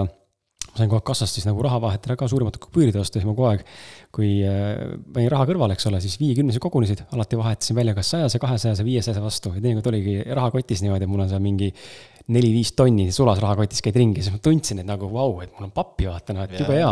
kuigi see ei pandud kõrvale, aga ma tahtsin seda kogu aeg näha, on ju, ja kodus ka vahepeal loed, vaata niimoodi saki, sokisahtlist niimoodi, oo. mõnus tunne, on ju. hea tunne, sa tead, seal on seal viis tonni, ikka oled üleval, ikka, aa, viis tonni ikka, mida see viis tonni. sa ei taha nagu väga seda ära kanda, see on niisugune mõnus, niisugune turvalisuse koht, vaata. absoluutselt. jube hea tunne on ju, siis sa pigem nagu kogud, mul ongi see teema, et ja siis ma pigem kogun kuhugi mujale seda, mida ma just kulutan, et las see nagu olla, et see on niisugune jube mõnus koht. Noh. ja, ja see on nagu nii, nii huvitav teema see rahaga ja ma olen elus minu üks soov oli äh, kunagi, noh, see olen aru saanud, et see on alateadlik soov, pole nagu teadlikult sellele otseselt mõelnud, aga on olnud soov kogeda seda, mis tunne on elada niimoodi, kui me ei vaata pangakontot. sest ma olen see haige inimene täna ja eriti nüüd, kui vaata raha on vähe. saad aru, see on, see on, vot see ongi huvitav, kuidas me töötame inimesena vastavalt situatsioonile ja kui tähtsaks, mina pean raha väga, väga tähtsaks, on ju, sest täna on seda justkui nagu vähe, on ju olnud ja nagu raske öelda, siis seetõttu ma tähtsustan üle, on ju, tekib veel omakorda liigne pinge ja seal nagu läheb asi nagu väga hapuks, on ju. ja ma olen see segane vend, kes äh, lihtsalt mitu korda päevas teinekord vaatab pangakonto jääki. no nagu külmkappi, vaata, teed lahti, vaata, kas on süüa tekkinud, vaata, ei ole, poes käinud, panen kinni, tulen uuesti tagasi, vaatan, kas äkki nüüd midagi tekkinud, on ju, mis on täiesti ebaloogiline, sest midagi pole tekkinud sinna, sest pole poes käinud, on ju. ikka vaatan, lootuses äkki nüüd midagi leian, on ju, ahvatleb. vaatan pangakonto jääki teinekord niimoodi, et äkki, äkki on tekkinud, vaata kuskil midagi. kuigi sa tead, et oled midagi teinud, selleks tekiks ikka vaatad, piilud, et aa, okei okay., ma vaatan, ma, ma korra vaatan veel panka, login sisse, vaata, ma olen nagu nii haigeks läinud see asi vahepeal. ja teistpidi ma tahtsin kogeda seda, mis tunne on niimoodi, kui ma ei vaata mitte kunagi ja seda ma sain kogeda Austraalias elades, äh, muidugi esimesed kaheksa kuud oli totaalne vaesus, on ju, ähm, ja teine, ülejäänud, ülejäänud üksteist kuud ja kaksteist kuud äh, oli no totaalne küllus, eks ole, et niimoodi lõpuks oligi, et äh, ostsin, mis tahtsin, kõik kulud olid, rendid, kulud, asjad olid makstud ja ma teadsin, ma olen nagunii juba plussis ja mul ei kulu rohkem ära enne järgmist palgapäeva, on ju, sa saad iga, iga kahe nädalaga palka ka mis tegi võib-olla natuke asja psühholoogiliselt lihtsamaks, aga ma näg-, teadsin, et ükskõik palju ma praegu kulutan, see nagunii kogu aeg kasvab, ma ei peagi kontojääki vaatama ja see oli fantastiline tunne elada niimoodi aasta-poolteist, nagu fantastiline tunne. tee, mis tahad. ja siis Euroopa reisil samamoodi, on ju, meil kogusime, ma ei mäleta, mingi seitse tuhat äkki või kaheksa tuhat eurot, on ju, ja läksime kolmeks kuuks Euroopasse äh, eesmärgiga siis terve Euroopa läbi reisida, tegelikult jõudsime ainult Hispaania, Portugali ära teha, sest siis see raha ots piltlikult öeldes, on ju, mhm. natuke üle võlli arvestasime. aga aga need kolm kuud elada niimoodi, et sul on ükskõik, mida sa ostad, kus sa ostad, kus sa kulutad, äh, täiesti suvapoogen, sa lihtsalt naudid, sul on naine, sul on enda raamat, sul on enda päevikene, sul on auto ja sul on maailm. lihtsalt kaifid, null kulu, null kohustust, on ju. ja see on nagu väga tugev loond, et see on hästi huvitav, et me kukume ikkagi, olles nagu kogenud seda äh, positiivset ja külluslikku poolt, siis e, ütleme, ebakvaliteetsetele valikutele või siis just nimelt äh, läbi kindlate, ütleme, ettemääratud valikute, mis meile peavad tulema, me saaksime nagu edasi liikuda selles valdkonnas näiteks, on ju. me ikkagi kogeme aeg-ajalt ka tagasilööke ja nii huvitav on nagu ennast näha, kuidas see suhtumine ja need dünaamikad ikkagi kogu aeg on muutumises, et ma ei tea, kas see on üldse võimalik kuidagi noh, sinult ei pea küsida, on ju, et kas see on, mis sa arvad, kas on võimalik see, et kui sa täna oled kogenud küllust, ütleme aastaid, täna oled sa passiivse sissetuleku endale ehitanud, on ju, teine ettevõte ka kasvab, eks ole, on ju, tõenäoliselt läheb ka see väga suurelt käima Äh, sest mina olen pundis, on ju, nali. Äh, me oleme kõik koos siin, on ju, me teeme selle ära, on ju. aga just nagu selle koha pealt, et nüüd ta, et nüüd mingi hetk peaks tulema elus lambis sihuke hetk, kus sa tunned nagu, et aa, mul on vaesus. kas, või, või sa arvad, et see ei ole muut-, et see enam ei muutu, et sul on nüüd mingi uus platoo tekkinud? ma arvan, et äh, jaa, ei, muidugi see võib kõik juhtuda, selles mõttes, et ma ju mõtlesin selle peale ka, kui nüüd tuli see Covidi kriis on ju, kõik läks kinni, kõik ennustasid suurt akopolüps-, akopolüps-. apokalüpsist. apokalüpsist ma mõtlesin ka, et mul on okei okay,, kui see kõik kaob, selles mõttes, et noh, järelikult kaob nagu kõik, noh, selles mõttes see finantssüsteem kukub, siis kaovad ka need minu nagu ettevõtted näiteks. ja kaob kõigil, see, see ole lahutus. Aga noh, see võib-olla, ma ei mõelnud kõigile, aga ma mõtlesin, et aga mul on olemas maa, mida ma saan harida, mhm. mul on käed-jalad täna terved, ma suudan oma, ma oskan kala püüda. Ma suudan oma pere nagu ellu jätta, iseennast ka ja mul on okei okay, ja mul on natuke kulda kõrvale pandud, ehk et kui kogu finantssüsteem peaks kukkuma, on ju, et siis siis äh, selle kulla eest näiteks ma saaks osta mingi traktori kellegi kulla, kullatükke murdma ja lähed annad? ma lähen annan jah, mul on Davidist ostetud äh, investeerimiskulla mingisugused äh,, mingi teatud kogus -hmm. eks ju. et siis siis ma saan vähemalt traktori osta omale, on ju et, et äh, jaa, ma, ma, ma olen nagu mõelnud ja ma olen nagu arvestanud sellega, et see ei ole nagu mingi iseenesestmõistetav, mis mul on siin nagu tekkinud. ma olen selle eest nagu selles mõttes nagu väga tänulik ja humble, ma ei tea, kuidas see on eesti keeles äh,. ala, alandlik. alandlik jaa, et selles mõttes, et see, ma ei võta seda iseenesestmõistetavana. ja arvestan alati olukorraga, kus see võib olla nii, et, et seda mul ei ole enam mm. -hmm. ja see ei tekita minus nagu suurt paanikat siis ma lihtsalt, ma tean, et, et ma, ma olen ju olnud selles situatsioonis, kus mul ei olnud ka pappi, noh. noh, mul ei olnud sellepärast nagu halb elu. et ma arvan, et see on jälle see lapsepõlve, vaata see koht, mida vanemad mulle õpetasid, isegi kui raha ei ole, on ikka nagu harmoonia ja mõnus olla. et mul ei ole seda tunnet jah, et kui raha nüüd ära kaob, et siis, siis ei ole mul nagu enam hea, head elu eest, noh, mul ei ole vanemad nagu selles mõttes, kui ma oma elu alustasin või iseseisvalt, noh, neil ei olnud äh, sellist raha mulle anda, et, et äh, mine osta korter omale mm -hmm. või näed, me anname sissemaksuks sulle raha. ma elasin isa juures siin Tallinnas, eks ju, kus tema korter oli ja, ja ma mõtlesin ka, et siis mul oli vahepeal ka väga sellised alaväärsuskompleksid, et, et ma ei tea, mu sõbrad kõik ostavad oma korterid, on ju, mhm. juba, mul ei ole seda raha kuskilt võtta, on ju, ja kust ma nagu võtan, on ju, aga noh, aga noh, on nagu on, vaata et äh, küll, küll ükskord ära laheneb ja mul on see olnud ka tihtipeale, et minu nagu niisugune äh, elufilosoofia või niisugune uskumus, et, et küll ära laheneb ja on, kuis on, kuis on, on hää. et mm -hmm. tegelikult see, et ma, et me siin ju elame või, või toimetame kogeme seda kõike, see on ju nii tore. Noh.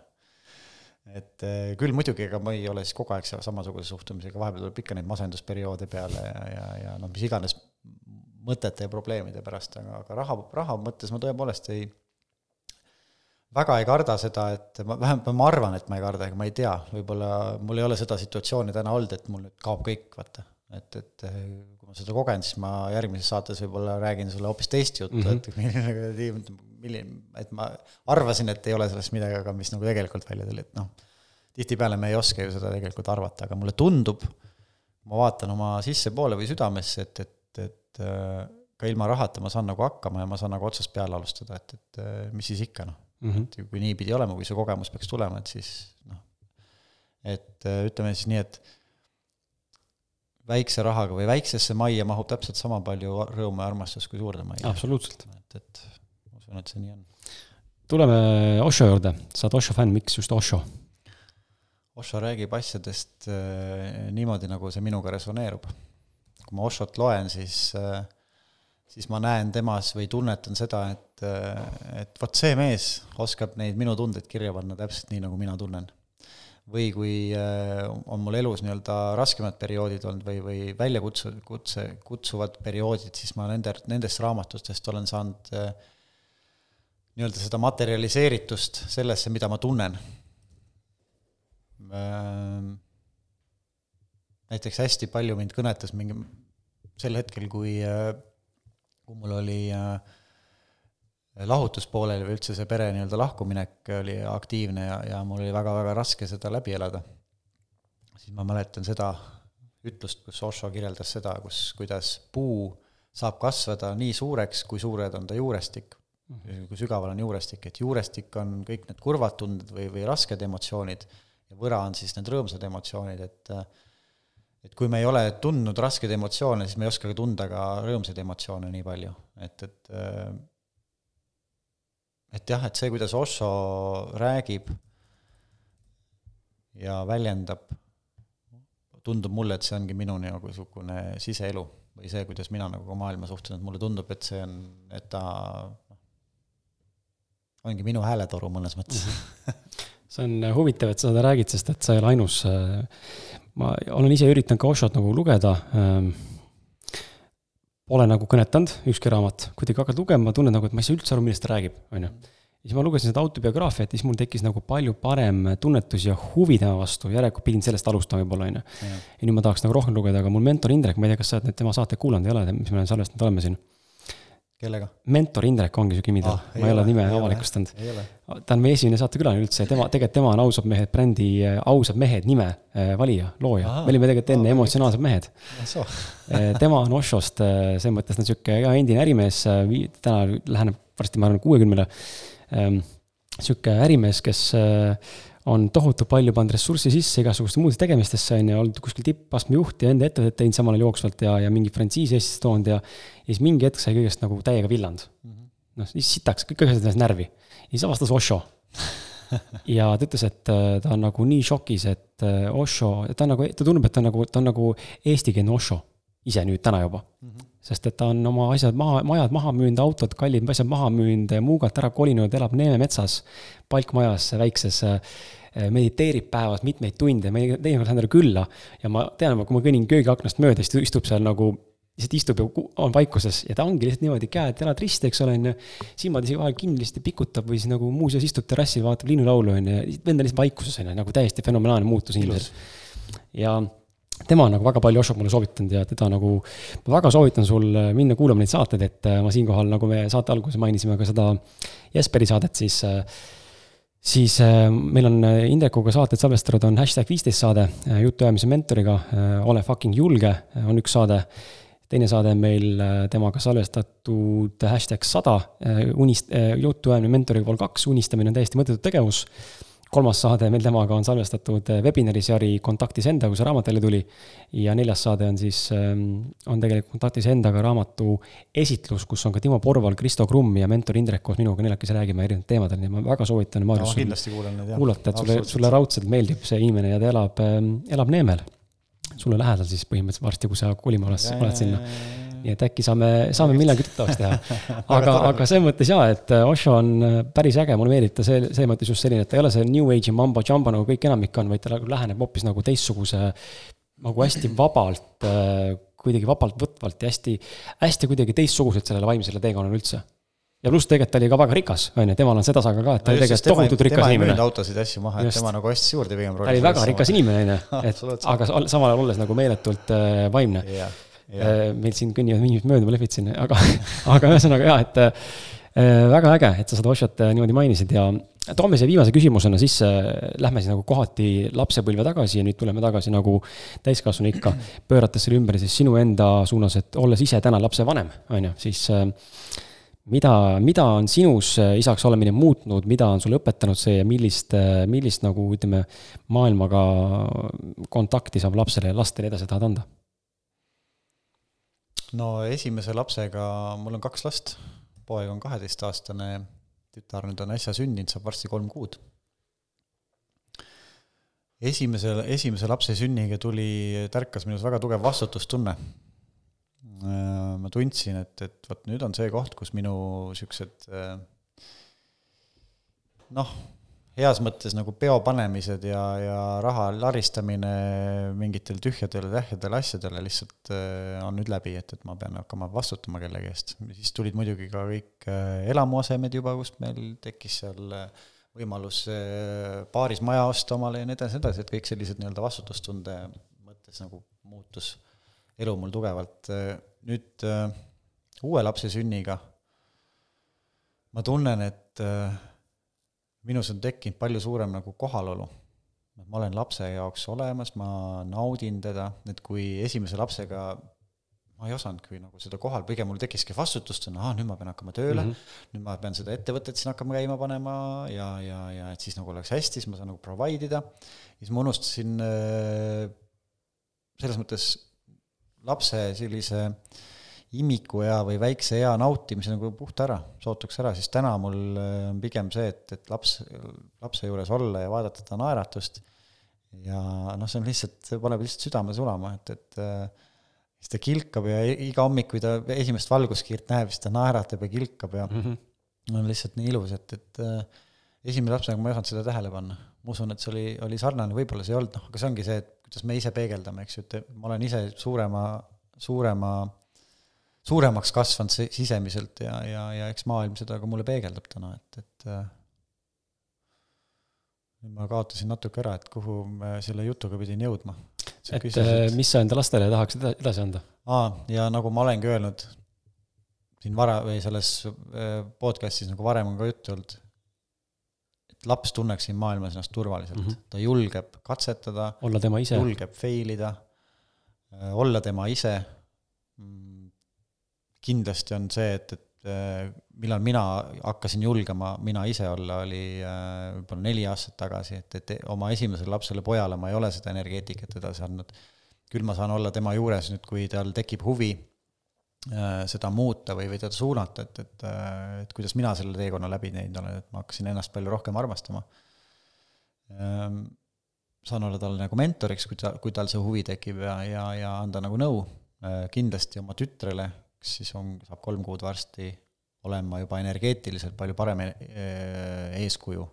aga just see turvalisus, olla spontaanne, julgeda ette võtta, ma arvan, et see tekitab maakerast või, või sellest planeedist maakoha, kus on lihtsalt fantastiline elada. isegi siis, kui on nagu halvad tunded mm. -hmm. isegi siis on siis, siis tore elada, et, et äh, ma arvan, et see on nagu selline asi, pluss muidugi kui ütleme, et siis natuke välimistest kihtidest rääkida, siis äh, huumorisoon on muidugi see, mis äh, ilma selleta, ilma selleta, et sa iseenda üle naerda saaksid ka kõige raskemates olukordades. Pole võimalik elada? on võimalik. väga kurvalt. on võimalik elada. aga siis on see, kui sa oskad endale naerda, on see elukvaliteet nagu palju-palju kihvtim, ma usun.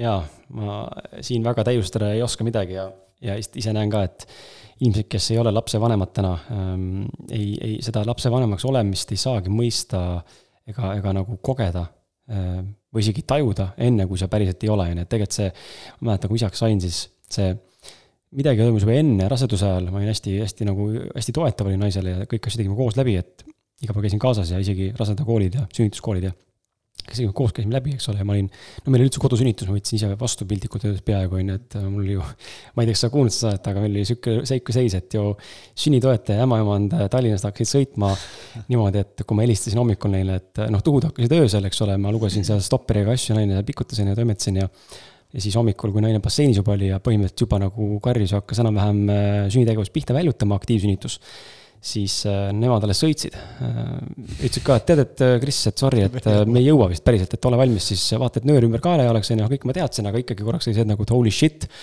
nagu päriselt, et ei tule või ja, ja mäletan vetsupotil istudes naine siis istus vetsupotil mingi aeg seal ja, ja ütles, et, appi mul tuleb, vaata nüüd, nüüd tuleb. ma ütlesin, et ei tule mm, -mm, ei tule. oli kohe see, et ei tule, vaata ei tule, ei tule, ei tule. aga ma nägin, noh, ma nägin, nägin avanemist ja kõiki asju, selles mõttes on fantastiline kogemus aga õnneks nad jõudsid, äh, õnneks või kahjuks nad jõudsid ikkagi niimoodi, et viis minti enne väljutamist, siis noh, ikkagi jõudsid käed puhtaks ja juba, juba laps põhimõtteliselt tuli, on ju. et ähm, see isaks olemine on midagi nii retsikam muutnud, et aga muidugi mul on väga palju enda piitsutamist ka, et tahaks ikkagi parem vaata olla ja noh, provide imise mõte kindlasti juures, et tahaks võimaldada, täna veel pole suutnud seda lõpuni teha, aga õnneks mulle enda coach ütles väga hästi, et täna laps on nii väike veel, et see, et ta, et sa ei provide'i talle mingit a la mingeid asju, eks ole, on ju ma isegi ei tea, mis see peaks olema, sest tegelikult kõik on ta saanud, on ju. aga enda jaoks mingid asjad, mida me justkui nagu täitmata jätnud. et ega see ei tee sinust halvemat isa, et tema armastab sind ikkagi sama palju, kui palju sa endale nagu temaga oled koos, on ju, seda ma teen võimalikult palju, on ju. et selles mõttes on ähm, äge ja ma arvan teistpidi ka, et inimesed, kes tunnevad, et nad ei taha lapsi saada, see on ka okei okay,, et see ei ole nüüd see asi, et elu goal on nagu laps saada, et see ei ole nagu see eesmärk, ma arvan ja ma ütlen ka selle jätku, jätkuks sellest, et äh, esiteks ka, et meil teine laps, äh, mul teine laps sündis samamoodi kodusünnitusega, mis oli ülivõimas kogemus väga,, kihvt. šamaani trummid ja ja, ja teine pool just see, et kust ka mina tulen, eks ju, lapsepõlvest, et, et sa ei pea rahaliselt provide ima lastele, et mm, -hmm. et nad tunneksid ennast kuidagi turvalisemalt. armastage teineteist oma kaasaga ja siis lapsed tunnevad ennast väga turvaliselt. just, see, sa ei pane, sa ei pane last sinna sularahasse pikutama, noh, et ei. see ei ole see, on ju. kui teie armastate teineteist äh, oma partneriga, siis lapsel on turvaline olla ja tal on, ta on külluses mm. -hmm, absoluutselt äh,. lõpetuseks, on sul mingeid äh, lõpusõnasid, mis sa tahad öelda, midagi, mis jäi ütlemata, tahad tervitada enda ema, õde, ma ei tea kedagi veel, et mis sa tahad, reklaamida midagi, mis sa tahad siia lõppu lisada? Ja sa ei pea, kui ei taha. õde ma tervitan kindlasti, ema on tihedane õde, mul elab USA-s, nüüd on ta just praegu Eestis käimas, tuli siin äh, kaks-kolm päeva tagasi, jõudis üle nelja aasta, et, et juba proovis siin juba varem tulla, kes tuli Covidi värk, eks ju. aga nüüd ta on Eestis kogu perega ja, ja teda ma tervitan, kuigi ma nüüd näen füüsiliselt ka teda kohe varsti ehm,. on, kuis on, kuis on, on hää. see on kõik väga hea, räägi, kus sind leida võib, kui keegi tahab jälgida su tegemisi. oled sa üldse kuskil aktiivne või, või on sul midagi kohta, kust, kuhu inimesi suunata? ei, ma ei ole, ma ei postita oma mm, -hmm. oma elust pilte kuskile, ma ei ole selles mõttes aktiivne. praegu minu aktiivne pool on just selle Senglensiga töötamine ja, ja sealt kodulehelt on minu kontaktid olemas ja ja minu poole saab pöörduda ja küsida ja mulle meeldib väga filosofeerida, kui keegi tahab kokku saada, arutada, ma saan oma kogemust jagada, oma nägemust jagada, kui keegi tahab kuulda mulle meeldib seda teha, mulle meeldib, kui, kui jutuajamisest, mis minuga toimub, ma näen, et keegi saab oma elule uut mm -hmm. kvaliteeti. et see täidab mu südant, et see ei ole, see ei ole midagi, mida ma teen raha eest, vaid see on, mida ma teen lihtsalt sellepärast, et mulle meeldib. väga hea, äh, väga mõnus vestlus oli meil. Äh, ma väga tänan sind, Maarjus, äh, väga äge oli, aeg lendas, meil on noh, natuke siin päris õige seier pole ees, aga ütleme kuskil kaks tundi on meil äh, vesteldud, nii et. Äh, vaata, kui kiiresti läks. jaa, see läheb alati kiiresti. sinuga oli väga-väga. see läheb väga kiiresti. et väga lahe ja mina lõpetuseks kutsun äh, sind üles selles mõttes ka, kuna podcast'iga tuleb nüüd pärast järgmist saadet tuleb paus sisse, teadmata ajaks, siis lihtsalt ole ja kuula vanemaid episoode, kutsu uusi inimesi, jaga enda kogemust, kirjuta mulle review, arvustus Facebooki seinale või mulle kuhu iganes anna teada, mis sa mõtled sellest, mis, mismoodi podcast sind mõjutanud on. tean, et väga palju inimesi elusid on ta muutnud eh, ja ühtlasi ma kutsun sind ka Senglensi eh, podcast'i kuulama, mis siis keskendub eh, rahul olevale, rõõmsale, tasakaalukale, õnnelikule, positiivsele, täisväärtuslikule ja erksameelsele eluviisile. kus me siis Maarjuse, Jaana ja, ja Renega, tõenäoliselt siis rohkem küll Maarjusega koos, toome sinuni põneva kuulamist läbi, läbi siis meie enda mõtete ja külaliste kogemuste ning mõtete ja podcast'is, Senglensi podcast'is siis räägime toitumise, organismi puhastuse, psühholoogia, füüsilise aktiivsuse, teaduspõhiste uuringute ja veel mitmete tervisega seotud teemade äh, raames väga otse ja keerutamata, lihtsas arusaadavas keeles ning võimalikult äh, sulle väärtust loovalt, nii et äh, tule kuula ka seda podcast'i, seal ma olen aktiivsem suvel kindlasti kui ausad mehed podcast'i raames. ja ühtlasi tule kuula ka seda mis ta ongi nüüd, äh, teinud teist podcast'i, kus, kolmandat podcast'i siis, äh, Polarcasti koos Merilin Taimeriga, kus me räägime siis ka elulistest teemadest. ja läbi naise-mehe sihukese polaarsuse dünaamika, nii et äh, kohti, kus ma eksisteerin peale ausalt mehe podcast'i on veel ja veel, nii et tule kuula, erinevad teemad, erinevad mõtted ja egas midagi. aitäh sulle, et sa olid meiega ja, ja aitäh sulle, Maarjus, sinuga kohtume järgmine reede. ja siis võib-olla suvel mõned korrad ja siis alles sügisel. tšau, tšau